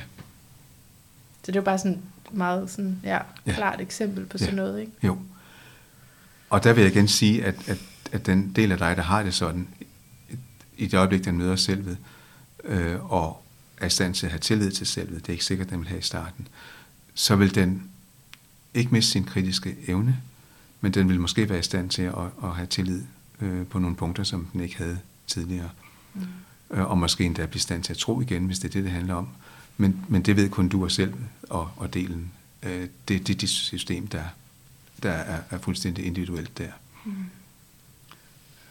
Men man kan sige, at din, din del bliver bebyrdet med en opfattelse, og den, også det der med, at det skal aldrig ske igen. Ja. Og det kan arbejdes med. Hmm. Så, så du ikke længere, fordi man kan også sige, at den reaktion, du har efterfølgende, er jo stadigvæk bundet op på den første reaktion. Ja. Og, og, og, og der er muligt at slippe fri af, af, af den dobbeltbinding der. Ja. Ja, der er også sket noget siden der, men mm. den var bare så tydelig, ja. at, øh, og det er en underlig ting i sig selv, ja. at sige, jeg, nu kan jeg ikke stole på mig selv længere, ja. fordi det var mig, der tog fejl. Men det tror jeg for mig har været en af de smukkeste ting ved IFS. Ja. At det var det øjeblik, hvor det gik op for mig, at nu kunne jeg stole på mig selv. Oh. Øh, og, og der skete der et skift indvendigt, hvor der var nogle dele, der pludselig sagde, okay, det, det kan vi se. Det, det, det er rigtigt, det her. Øh, det, det, var, det var et stort oplæg at, at kunne mærke det. Altså for lige at afrunde det eksempel, ja. så vil jeg sige, det var jo så også det at forstå, at jeg netop har dyrket en religion, som ikke handlede om at stole på mig selv. Ja. så ja. på den måde lige at lave det der twist, jamen, det var jo ikke fordi, at, altså, at det var dig, Nej. den inderste del af dig, der er blevet snydt. Det er jo, det er jo nogle, øh, noget tillært. Helt sikkert. Her, ikke? Jo, ja. jo. Altså jeg, jeg har for eksempel vokset op med, at man altid skal være meget opmærksom på, hvad andre mennesker tænker. Oh. Øh, og, og, og det var en af de ting, jeg var nødt til at, at kigge på. Øh, fordi hvis man er nødt til det, så bliver det også meget svært at stole på en selv. Ja. Så, ja. Okay. Frygt ja. hos delen, det var den sidste. Ja, ja. ja det, det sjette F er også en, en form for detektor, fordi det her vi faktisk kan finde ud af, hvad er det for en forvist del, som beskytteren beskytter, om det så er en manager eller en brændslukker. Fordi vi spørger delen, beskytteren, hvad er du bange for, der vil ske, hvis ikke du gjorde det, du gør? Ah. Så hører vi, hvad det er, og det kan være, at den siger, jamen altså, jamen, så er der nogen, der bliver sure, og så kan vi sige, jamen, hvad, hvad, er, der, hvad er der galt ved det? Jamen, så vil jeg føle mig utilpas. Og hvad, hvad, hvad er der galt ved det? Øhm, så føler jeg, at jeg er forkert. Okay, så der er en del af dig, der føler, at den er forkert. Ja. Mm. Og at det vil det være okay med dig, beskytter, at vi prøver at hjælpe den del af dig, der er forkert? Og sandsynligvis vil beskytteren på det tidspunkt sige ja, fordi vi har arbejdet igennem de seks F'er med den. Mm. Men hvis den ikke vil sige ja, så vil vi spørge, hvorfor har du stadigvæk indvendinger imod, at vi arbejder med den her del? Og så vil vi arbejde videre med, med det. Mm. Så det er, det er en, kunne man sige, en forvist del detektor, øh, som, som det 6. F rummer. Men det er en måde at undersøge, om den, hvad er den forviste del, som den beskytter. I nogle tilfælde, så svarer øh, delen noget andet, nemlig at den er bange for en anden del i systemet, som den så er polariseret med. Oh. Men så, så har vi øh, fået etableret en polarisering, som vi så kan arbejde med. Og når vi så arbejder med den polarisering, kan vi så se, hvad er det så for en forvist del, der ligger nedenunder den. Så det 6. F viser os enten en forvist del, eller også en del, som den del, vi arbejder med, er polariseret med. Okay, siger jeg, som jeg har forstået det. Ej, men jeg, jeg, er sådan, jeg er med et stykke af vejen, synes ja. jeg. Men øh, det er også, øh, det bliver lidt komplekst. Ja. Hvis man også har de der polariseringer inde i sig selv, og så er der noget ned under det. Ja. Men for eksempel, hvis nu, at, at øh, hvad skal vi tage et eksempel? Øh... Jamen, hvad med det der eksempel, du gav med at være opdraget til at, at trænet i at tænke hvad, ja. på, hvad andre tænker, for den er meget klassisk ved vores ja. kultur, ikke? Ja. Øhm, så kan man sige, at hvis nu, at jeg arbejder med en beskytter, der siger, du skal hele tiden være opmærksom på, hvad andre mennesker tænker. Og hvis jeg siger, hvad er du så bange for, der vil ske, hvis ikke du hele tiden sørger for, at jeg tænker på, hvad andre mennesker tænker, så vil den sige, så er jeg bange for, at du går ud og skaber dig fuldstændig åndssvagt. Og det vil være en brændslukker, der vil gøre det, for at undslippe kontrollen fra den, der gerne vil have, at man skal opføre sig pænt og ordentligt. Okay, hvis du ikke tænker på, hvad andre tænker, så går du ud og opfører dig åndssvagt. Ja, det vil, yes. den, det vil den sige. Mm-hmm. Så, så, øh, så manageren, den vil gerne have, at jeg opfører mig sådan, som andre mennesker gerne vil have. Og brændslukkeren gør oprør mod den kontrol og siger, jamen, så kan jeg jo op, opføre mig fuldstændig forkert på alle mulige måder. Ja. Og hvis jeg så spørger manageren, hvad er du bange for, der vil ske, hvis ikke du gjorde det, hvis ikke du udøvede den kontrol, så vil den sige, jamen så er jeg jo bange for, at den der anden brændslukker tager over og gør, at øh, jeg mister mit ry og rygte, og, og Ja. at det hele bare bliver forfærdeligt. Men så ved vi det, okay, så der, vi, vi kendte ikke den brændslukker på forhånd, men nu ved vi, at der er en brændslukker i systemet, som gerne vil øh, være rebel eller oprører, eller gøre noget helt forkert. Mm. Øhm, og så kan vi henvende os til den og, og, og, og spørge, øh, hvad dens opgave i systemet er. Og det vil så være at balancere den øh, manager, som gerne vil have, at vi opfører os pænt og ordentligt. Men som du sagde før, var det noget med, at der var en forvist del nedenunder den polarisering. Ja, og nedenunder den polarisering, der vil der så være en, en forvist del, øh, som både manageren, der vil have, at man skal opføre sig ordentligt, og brændslukkeren, der vil have, at man skal gå ud og gøre noget skørt, beskytter, men på hver deres måde. De har været en, en total forskellig opfattelse af, hvordan de kan beskytte systemet. Mm. Og det kunne for eksempel være en følelse af ikke at være elsket, Mm, okay. som ligger nedenunder. Øh, okay. mine forældre synes ikke, jeg er god nok på den måde, som jeg er. De elsker mig ikke, fordi jeg ikke opfører mig ordentligt. Det kan jeg godt se, fordi ja. så, er man nødt, så er jeg nødt til at regne ud, hvad I andre gerne vil have, så Ja. gør jeg det. Ja. Men det er så, så meget en pol, at jeg også er nødt til at gå ud og bare Ja, gøre lige, hvad jeg har lyst til. ja. Mm. Fordi det andet bliver for rigidt simpelthen. Mm. Og på et tidspunkt, så vil brændslukkerne reagere mod det. Mm. Og det viser jo også meget godt, at det hele handler om balance. Det, ja, det, det, det er meget smukt på den måde, kan man sige. Mm. Okay. Men jeg Så- håber ikke, det bliver for kom- komplekst. Nej, nu, ja, det landede i min hjerne i hvert fald. Ja, godt. Men altså, Ja. Men jeg tror også, jo mere man sådan kommer ind i det og får billeder på, og, og tænker på sine egne dele, ikke? At, mm. øh, altså, fordi det er jo herinde i mig. Altså, jeg tror ikke, man skal ikke prøve at forstå noget, der ikke... Er derfor hele tiden får billedet fra min egen fortid. Ja, ja. det er jo fordi, det, det hele handler om, om dig, det vi taler om. Det er Ja. jo ikke bare nogen andre. Nej. Nej, men jeg synes, det er utroligt godt, at, at du forbinder det på den måde. Jamen, du skulle bare vide, hvor meget der er derinde. Okay, så vi skal lige nå et par ting mere i det her afsnit. Ja. Øh, og noget, jeg godt kunne tænke mig, det var de to... Du har nogle cases tidligt i bogen, som mindede mig om noget, jeg har siddet overfor i, i øveterapi, ikke? fordi jeg studerer til Ja. terapeut. Og, øh, og derfor så vil jeg rigtig gerne høre, hvad, hvad sådan dit bud er på, hvordan man går til det her. Ja.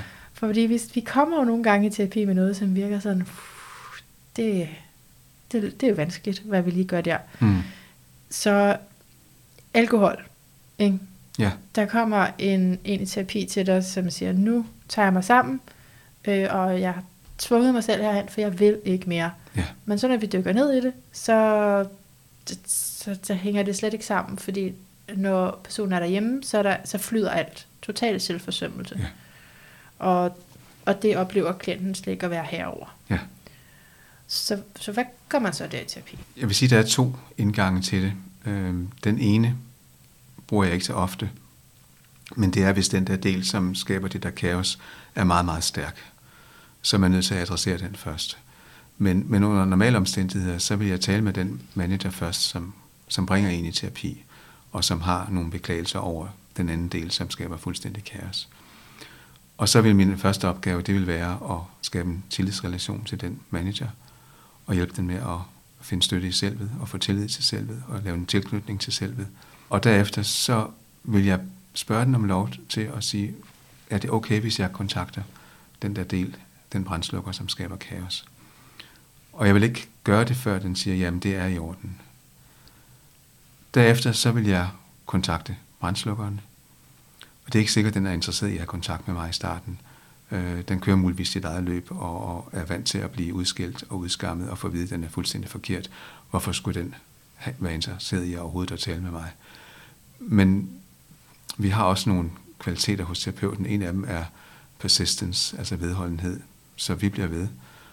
Og delene vil meget gerne fortælle om sig selv. Mm. Øh, og på et tidspunkt, så lykkes det også at få kontakt til den brændslukker.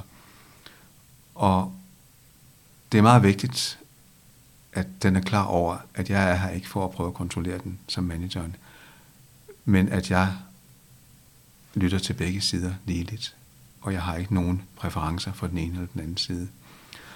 Og det jeg gør, det er at validere brændslukkeren igen og igen, og fortæller, at jeg forstår, hvorfor den gør, som den gør, og at det er, øh, det er helt klart, at det er den, den måde, den ser det på, det, så er det fuldt uforståeligt, hvad det er, den gør, for eksempel. Det eneste, jeg skal passe på, det er, at jeg ikke gør det så kraftigt, at manageren igen træder ind og siger, at det her det går for vidt, fordi du giver jo brændslukkeren fuldstændig fri tøjler nu. Så jeg validerer brændslukkeren så meget jeg kan, uden at trigge beskytteren til at træde ind igen. Og først i det øjeblik, at brændslukkeren føler sig fuldstændig forstået og valideret, at den er klar over, at jeg godt ved, at den ikke er ude på at, at, at ødelægge noget, eller skade, eller på nogen måde, øh, så vil der også ske, eller være et tidspunkt, hvor den får tillid nok til mig, og forhåbentlig også til klienten, sådan at vi også skal begynde, eller begynde at udforske dens forhold til klientens selv. Og når den så også opdager klienten selv, øh, så begynder den også at ændre sig. Hvordan siger man altså, opdage dit selv? Altså, hvordan gør man? Jamen, det kunne være som før at sige, prøv at dreje dig rundt og se, okay. og prøv at kigge bagud, eller ind mod midten og se noget, som du aldrig har set før. Mm. Eller også kunne det være, og jeg kunne, jeg kunne sige til dig som klient, som selv, hvordan ville det være at træde det tættere på, så at den her del faktisk kan mærke dig, fordi du er for langt væk. Øh, Sig det til selvet? Ja. Ah. Man kan sige, at vi arbejder på en måde med geografisk afstand inde i, i, i psyken, mm. og vi kan bringe tingene tættere på hinanden eller længere væk fra hinanden. Mm. Øh, men, men der er mange måder at gøre det på, og, og, og det er virkelig virkeligheden individuelt. Men jeg kunne også have sagt på et tidspunkt, for eksempel, brændslukker, vil du være parat til at tale med manageren? Og manager, vil du være parat til at tale med brændslukkeren? Og hvis nu selv er til stede, sådan at I får ligeligt øh, med tid, og I får ligelig forståelse fra systemet, der er ikke nogen, der bliver favoriseret frem for den anden, og der er ikke nogen af jer, der er rigtige eller forkerte. Vi lige så være parat til at tale med hinanden. Derfra kan man så også arbejde videre og, og, og lade dem tale og, og se, enten så går de i en fastlåst situation, eller også så begynder de at forstå hinanden. Men det, at selvet er til stede og sammen med dem, gør, at vi også meget nemt kan løse den fastlåste situation, hvis den opstår, for eksempel. Så enten, eller begge selver er der, men det kan også være, at du er et støttende selv, eller ja, et det kan sagtens erstattende selv lige ja, der. Ja. Øh, så vi gør det ofte ved at, at spørge delene, om de vil sidde ved et, vi kalder det et konferencebord, men det kan lige godt være et spisebord. Øh, og så kan man sige, at så sidder selv ved, klienten selv sidder for enden af bordet. Og så sidder delene på hver side og, og taler med hinanden. Okay, den øvelse synes jeg, vi skal slutte det her afsnit af med, men lige ja. en anden case først. Ja. Altså det er jo simpelthen inspireret af nogen, du har i, i din bog. Øh, det her med at skulle tage, sig, tage ansvar for alting. Jeg tænkte lidt på det, da du beskrev manager til at starte med. Ikke? Altså, alt det ansvar, alt det, jeg skal gøre. Lad os sige, det er et parforhold. Ja. Partneren hjælper aldrig med noget. Nej. Jeg står for det hele. Og jeg er så træt af det. Jeg er så træt. Og så i terapien er det svært at komme ud over den træthed og udmattelse, der er for at skulle, skulle stå med alt det. Ja. Hvordan vil du gå til det eller analysere det? I, I bogen tror jeg måske, så vidt jeg husker, at jeg taler direkte med den del og, og, og beder den fortælle om, hvad det er, der, der sker. Øh, jeg kunne også bede klienten om at tale med, med delen. Men igen vil det blive øh, noget med at fokusere på, på den del og virkelig lad den forstå, jeg vil meget, meget gerne høre dens historie. Jeg vil meget, meget gerne forstå, hvorfor det er så hårdt for den, og hvad det er, den gør, og hvad det er, der er uretfærdigt. Og allerede når vi så begynder at tale om noget, der er uretfærdigt, så peger det på, at der nok er en forvist del i systemet, okay. som føler sig øh, såret og øh, bærer på en smerte, som også har noget med uretfærdighed at gøre. Øh, og sandsynligvis vil det mest virksomme være, det vil være at nå til det punkt, hvor vi kan arbejde med den forviste del, altså hele den. Og i det øjeblik, at den er hele, så behøver beskytteren ikke længere at gøre det, den har gjort. Dens opgave bliver overflødig. Øh, og så kan den opgive den øh, forestilling om, at den er nødt til at gøre det hele. Okay, altså hvorfor var det, at hvis der var en uretfærdighed, så ville det pege hen mod en forvist del? Hvorfor, hænger, hvorfor er det analysen sådan?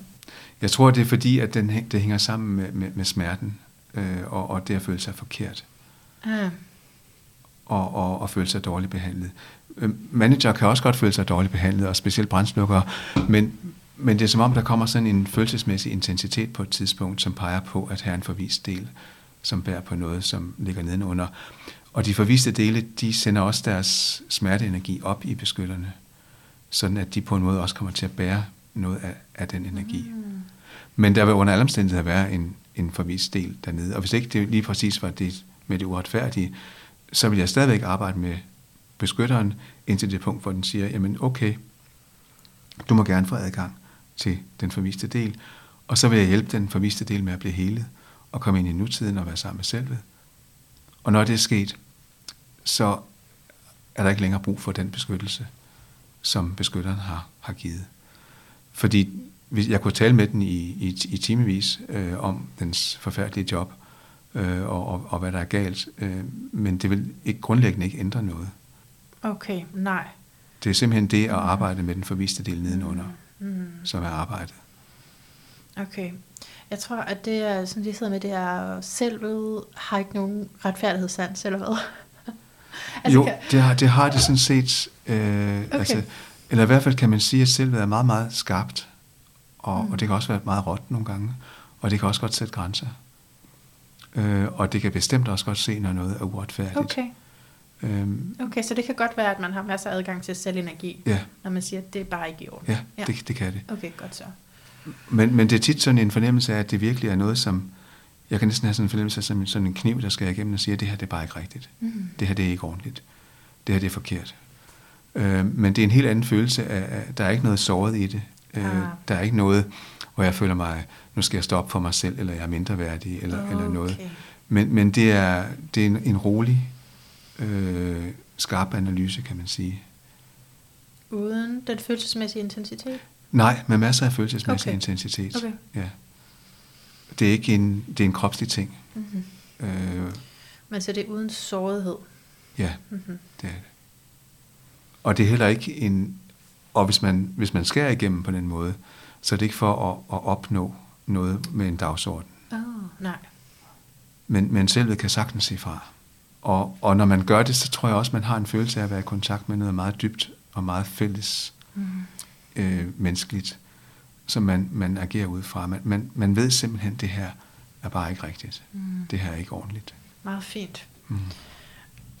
Så øh, jeg synes, vi skulle slutte det her afsnit af med konferencebordet. Det kan jeg jo lige sige, ja. at øh, vi har på forhånd aftalt, at ja. der er en del 2, som vi optager lige på efter. Jeg kommer også til at udgive det sammen, så det er ikke sådan, man skal gå og vente. Men, øhm, men jeg tænkte, det var godt at tage en pause, og så også fordi, at jeg rigtig gerne vil høre mere om den spirituelle del mm. af IFS i ja. afdeling 2. Yes, det bliver spændende. Ja. så konferencebordet. Ja.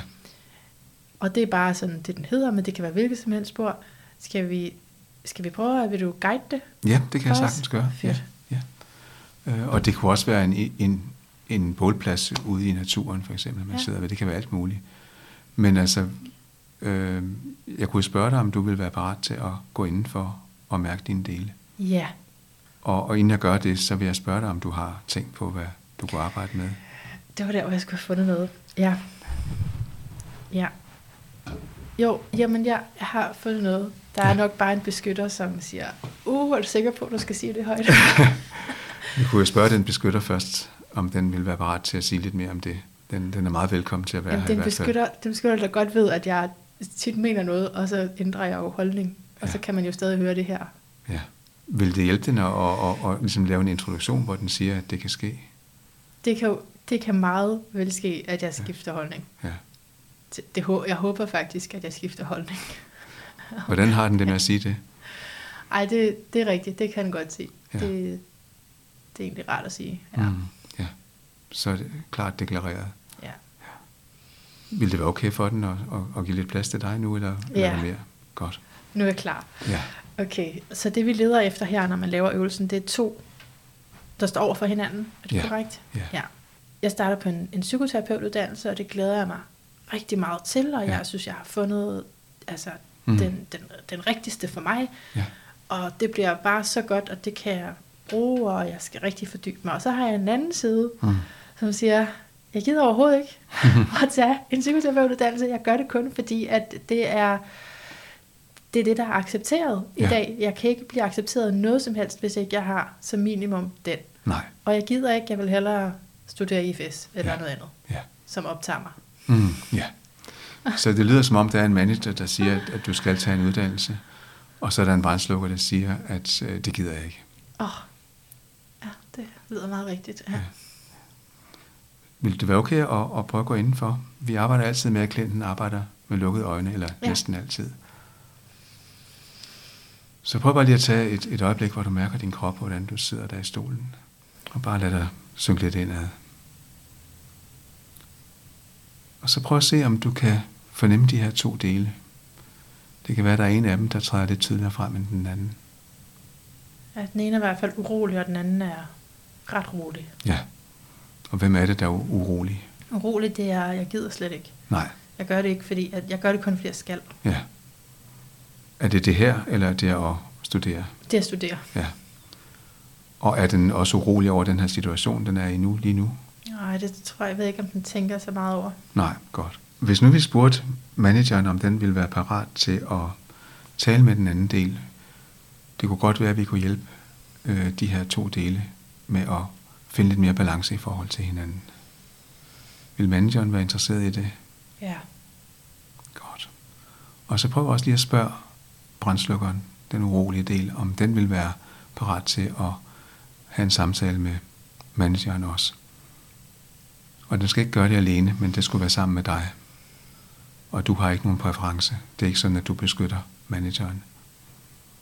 Og det er godt at høre, fordi ellers så kunne jeg allerede mærke, at det ville blive sådan lidt sur over. Ja, Altså sådan at sige, jamen det kommer ikke til at ske. alligevel. Altså, nej. det bliver ikke anderledes. Ja. Vi kunne sige til den, at du er den del, der ikke er en del, Ja. der lytter til alle Mm. inde i dit system. Så vil det være okay for brandslukkeren også? Ja. Godt. Vil de være parat til at sætte sig ned ved et bord Ja. Med dig ved bordenden? Jeg har allerede sat dem ned Godt. Og hvor sidder øh, manageren? Til højre eller venstre? herover. Til højre. Og brandslukkeren til venstre? Ja. Ja. Og så er den der brandslukker, den er også lidt op i mine øh, kæber. Ja. Godt. Hvad med manageren? Kan du mærke den kropsligt? Og den er bare sådan rolig. Ja. Den er næsten irriterende. Jeg tror, jeg er mere over i brandslukkeren lige nu. Okay, ja. Det er i hvert fald den, der har størst adgang til din krop. Mm. Hvis nu de skulle begynde at udveksle synspunkter, hvem af dem skulle så tale først? Ah, det, skal jeg vælge det? Nej, prøv at spørge dem. Okay. Ja. Hvem vil tale først? Det vil brandslukkeren selvfølgelig. ja. Og hvad vil den sige til manageren?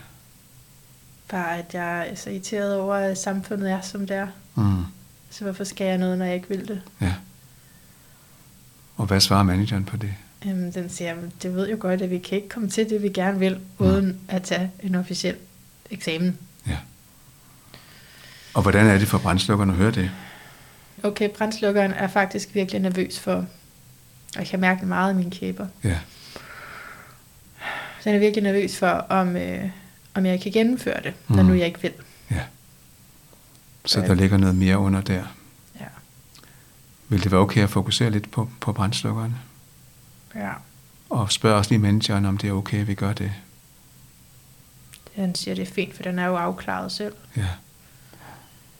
Så prøv bare lige at, at, at være i kontakt med det i kæberne. Og prøv lige at mærke, hvad, hvad føler du i forhold til brandslukkeren? Hvad jeg føler Ja. i forhold til brandslukkeren. Ja. Hvad du, Manna, føler i forhold til brandslukkeren. Ja, det er svært, for jeg kommer til at identificere mig med den. Ja. Mm. Kunne vi bede den om at træde måske en lille smule væk fra dig? Så kunne vi bedre være i relation med den. Ja, Jeg spørger lige, er der noget kederhed altså i brandslukkeren, eller hvor? øh, til stede i dit system? Jeg tror ikke, det er i brandslukkeren. Jeg tror måske, det er en anden del, der føler sig ked af det. Mm. Jeg kan ikke mærke det. Okay, godt. Men jeg kan mærke, at jeg sender den der brandslukker længere væk, så jeg kan se den på afstand. Godt. Og den skal heller ikke for langt væk. Okay. En passende afstand. Du skal ikke miste forbindelsen til den. Så prøv at mærke, hvad du føler i forhold til den. Jamen, jeg er flov over den, faktisk. Ja. Så der er en del af dig, der er flov over den. Ja. Ja. Nu kunne vi prøve at spørge, om den del, der er flov, ville være parat til at træde til side og give os lidt plads, så vi kunne hjælpe brandslukkeren. Eller har den brug for at blive hørt? Okay, så den del er flov. Ja, Vil du træde et skridt væk? Ja. det vil den godt. Ja. Så prøv igen at mærke, hvad du føler i forhold til brændslukkeren. Så jeg forstår den godt. Ja. Kunne du lade den mærke, at du godt forstår den? Ja. Jeg ved ikke, om den tager det ind, for den er lidt vild. Ja. Men prøv lige at tjekke, hvordan den reagerer på at mærke det fra dig. Så jeg kan sige, at jeg forstår godt, Hmm. at du har det sådan, fordi du Ja. havde lige lyst til noget andet. Ja. Sådan. Ja. Ja, du forstår den godt. ja. Har den tillid til dig? Det ved jeg simpelthen ikke. Den er sådan en lille rød ild, Ja. der løber rundt. ja. Hvor gammel tror den, du er? Hvor gammel den tror jeg er. Ja. Jeg synes, jeg har sådan en fornemmelse af, at den tror jeg er voksen, men det ved jeg ikke. Nej.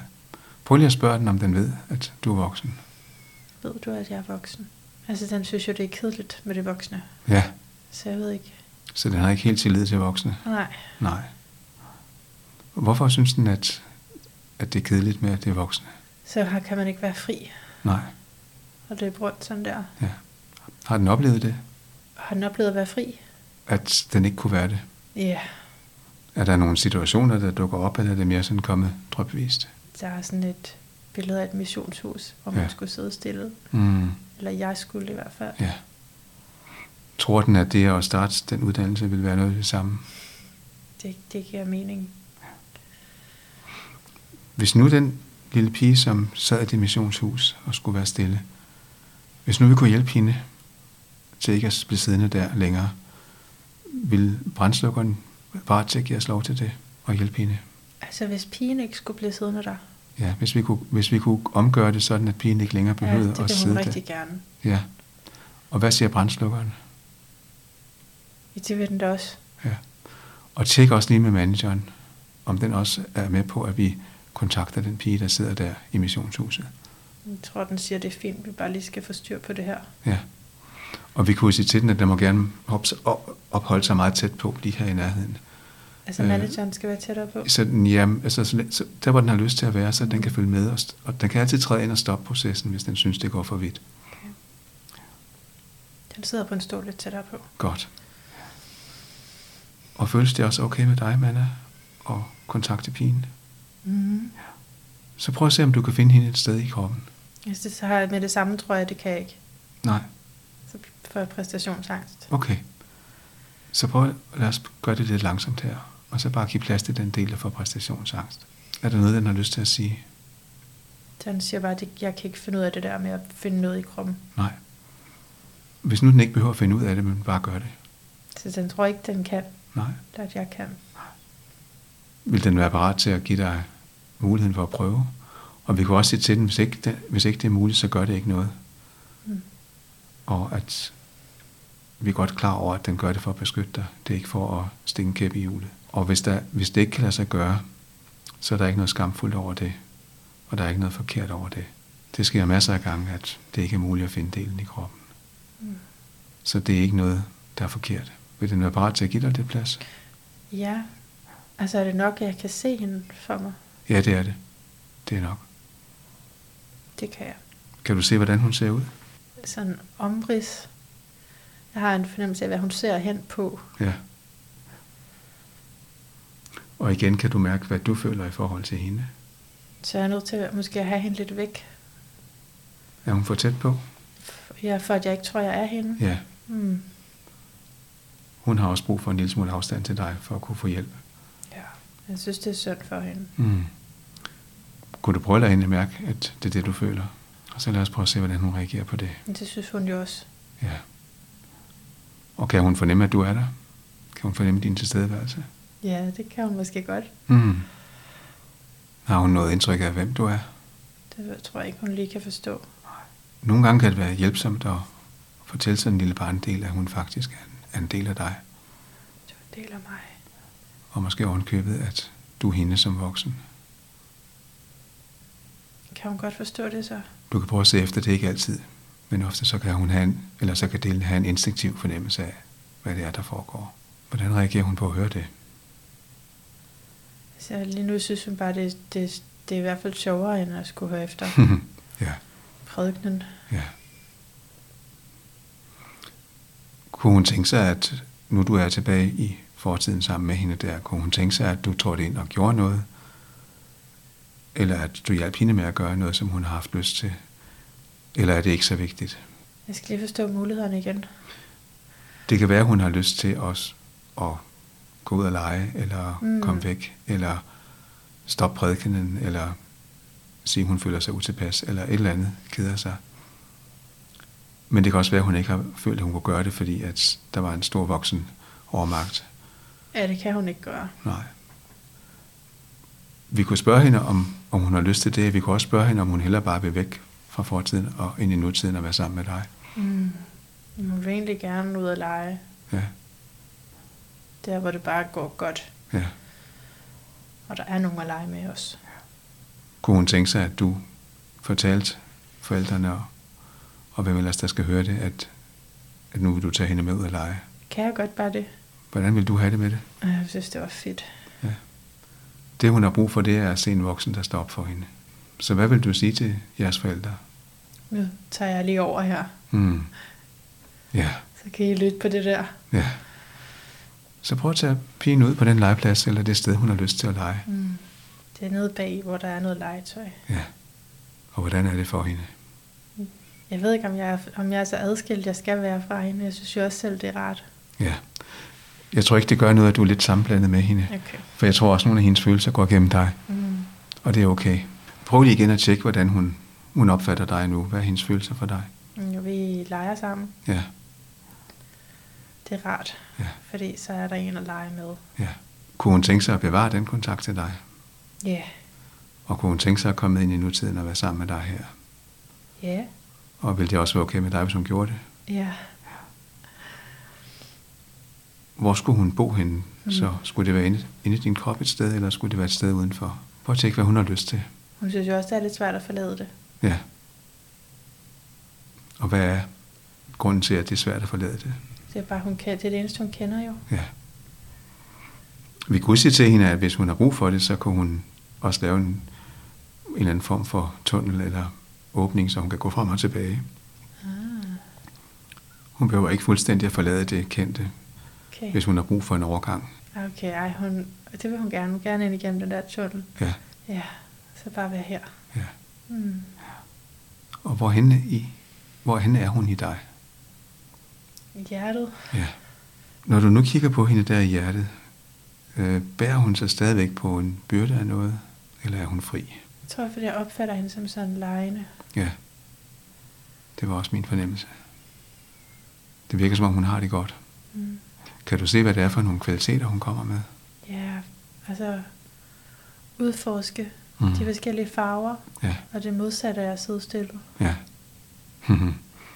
ja. Det lyder, som, det lyder rigtig godt. Mm. Ja. Kunne hun tænke sig, at, at de to lærte hinanden bedre at kende, udbygget jeres forhold? Ja, Og vil du være parat til at måske tjekke ind med hende her i starten? Vi plejer at sige 3-4 uger, for det er den tid, det tager at integrere en, en del. mm-hmm. Og det kan være to minutter, når du vågner om morgenen, eller når du går i seng, eller hvis du mediterer, eller gør et eller andet andet. Og du kan selvfølgelig gøre det så tit, du har lyst til, men, men det er bare godt at, at opsøge hende. Jeg tror måske bliver min manager bange for, at jeg har overset en byrde, at hun bærer, og så bliver det farligt at integrere hende. Ja. Det er en god indvending. Vi kunne sige til manageren, at hvis det sker, så er det meget let at arbejde med den byrde. Okay. Der er ikke noget, der tyder på, at, at det er det. Og det betyder ikke, at hun kommer til at overvælde dig og overtage dit system. Det er sikkert det, de er bange for. Men prøv lige at tjekke, om, om managerne har hørt det, og om de har flere bekymringer. De gør bare opmærksom på, at der er meget mere. Ja, det er der helt sikkert. Ja. Men øh, det er rigtig godt. Ja. Ja. Så vil det være okay at, at lade hende glide lidt i baggrunden? Ja. Og så lad os prøve at gå tilbage til brændslukkeren og høre, om han, eller hun, det er nok en hund, har set, hvad der er sket. Jeg har svært ved lige helt at finde tilbage til den brændslukker der. Mhm, ja. Hvad med manageren? Er den til stede? Ja. Hvordan synes den om det, der er sket med pigen? Jeg synes, det lyder meget fornuftigt. Mm. Er der stadigvæk brug for dens opgave, der med at kontrollere? Kontrollere processen. med, at du skal starte en uddannelse? Ja, det, det synes den jo altså. Ja, Det er det, vi gør. ja. Og Ja. hvordan, og hvad- hvordan med indvendingen er der? Nej, der er mindre indvending. Ja. Og det kan sagtens være, at der er mere arbejde med det her, og vi også går hurtigt frem nu, fordi det er en samtale her på den måde. Optagelse. Ja. Ja. ja. Der er sikkert flere aspekter i det, som vi kunne udforske. Men det virker som om, at beslutningen kommer mere selvledet nu. Jeg tror, at hvis jeg bliver her, så kan jeg godt finde mere frustration. Ja. Så jeg må hellere lade være. Du kan også prøve at se, hvad det er for en frustration. ja, hvad skal jeg spørge om, hvad det er for en frustration? Er, Ja, du kan prøve. Jamen, der, jeg kan bare stadig godt høre det der, jeg gider ikke. Hmm. Så prøv at fokusere på det. Og prøv lige at se, om den del, der føler det der, jeg gider ikke, om har den opdaget, hvad der er sket med pigen? Ja, Hvad synes den om det? jeg er ikke sikker på, at den lø- det løser noget. Nej. Hvad er det, bekymringen er? Det kan jeg alligevel ikke forsvare eller sige. Nej. Hvad er den bange for, der vil ske, hvis ikke den gjorde det, den gør? Oh. Hvad er du bange for, der vil ske, hvis ikke du siger imod? Det er bare, at det bliver virkelig kedeligt. Hmm. Det bliver så kedeligt. Ja. Og er der en anden pige, der føler, at tingene bliver enormt kedelige? Eller er det den samme pige, som vi har været i kontakt med? Ja, for den kopi, vi har været i kontakt med, hun har det jo fint. Ja. Men er der en anden pige derinde, som keder sig? Hun er i hvert fald bange for at skulle kede sig. Ja. Kan du mærke hende nogle steder? Kan Ja, du se hende? kæberne. Ja. Og hvad er det, hun oplever? Det er sådan frygten for at skulle kede sig. Mm. Ja. Har du nogen fornemmelse af, hvor gammel hun er? Jeg føler, at hun har været med mig hele vejen. Ja. Så hun er meget ung. Ja, Vil det være okay også at lige tjekke ind med hende? Prøv at spørge brændslukkeren og prøv at spørge manageren.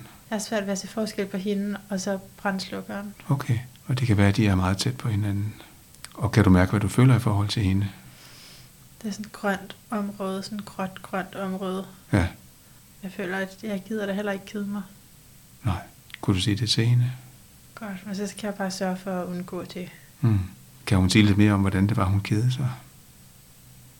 Under hvilke omstændigheder var det? Eller er det, er det så mange forskellige ting, at det er svært at sige? Det er i hvert fald meget med skole at gøre. Ja, så der er også en frygt for, at nu skal du tilbage i skole. Ja. Hvad vil du svare hende? Er det det samme? Jeg kan virkelig godt mærke dig, men det er jo ikke det samme, Mm. fordi det her over, det er jo faktisk noget, som... Det kan jo godt være, det er kedeligt. Noget af det. Hvad nu, hvis hun ikke behøver at tage med? Ja. Hvis hun ikke behøver at tage med. Ja. Hvis hun overlod til dig og studerer videre. Mm. Hun kunne lege med den anden pige i stedet for. Det er en ny mulighed. Mm. Og hun er sådan lidt træt, så hun skal lige forstå, at det er en mulighed. Ja. Hun kunne også sove og så gå ud og lege. Mm. Men hun behøver overhovedet ikke at- at tage med, når du starter din nye uddannelse. Okay. Hvis ikke hun har lyst. Men det har hun ikke. Nej. Det vil faktisk være virkelig dejligt, Ja. at kunne lade hende være hjemme. ja. Og har hun lyst til at lege med den anden pige, eller skal hun noget helt andet? Ja, jeg tror, det der, du sagde med, at hvis hun lige kunne sove lidt først, og så Ja. ja. kunne hun måske lige se på det. Ja. Så hvad med at simpelthen invitere hende til at overlade alt det til dig? Og bare overlade det til mig. Okay. Det er fint, så længe hun ikke skal med. Ja. Ja. Hvordan har brændslukkeren det nu? Ja, nu kan jeg jo sige, når den siger, at jeg vil ikke, så kan jeg jo sige, men det behøver du heller ikke. Nej. Mm. Det er fint nok så. Den er stadig lidt sur over samfundsniveauet i det. Ja. Hvorfor skal man certificeres på en bestemt måde? Men altså, Mm. nej, den manageren har alligevel godt forstået tingene, tror jeg. Ja. Men måske kunne vi sige til brændslukkeren, at den jo for så vidt har ret. Mm. Der er ikke noget, vi kunne godt anerkende, at, Mm. At, at den har ret i det. Og hvordan er det for den at blive anerkendt? Ja, det er rart. Ja. Den har ændret lidt form Ja. fra sådan en ildting til mere et menneske. Ja, Så kan de sidde ved sådan en anden nu. ja, Mm. godt. Hvor tæt på skal de? De sidder bare ved det der bord. Ja. Skal vi fjerne bordet, så de kan komme tættere på hinanden? Ja, ja, de kan godt sidde sådan i terapiafstand. Ja. Og hvordan er det for dem at gøre det? Synes, det er fint. Mm. Altså, det er som om han skal faktisk have lov til også at have ret. Ja. Og hvad siger Mandelton til det? Er, er, er den med på det? Det er helt fint. Ja. Og hvordan er det for dig nu? Hvordan føles det for dig? Det er vildt. Hmm. En vild oplevelse. Ja, Må jeg åbne øjnene? det må du gerne. Oh. Shit, mand. Det tog længere tid, end jeg troede. Ja. Der var flere dage i det. Wow. Vildt. Man må gerne bare lade en del være hjemme. Ja, det må man gerne. Hold op. Der er ikke nogen grund til, at den tager med, når du skal studere. Har du mere at sige lige nu? Nej. Fordi så synes jeg, at vi siger, at øh, det her, det var del 1. Og, øh, og så håber jeg, at øh, I lytter med til sektion 2. Så får vi også lige en pause her. Mm.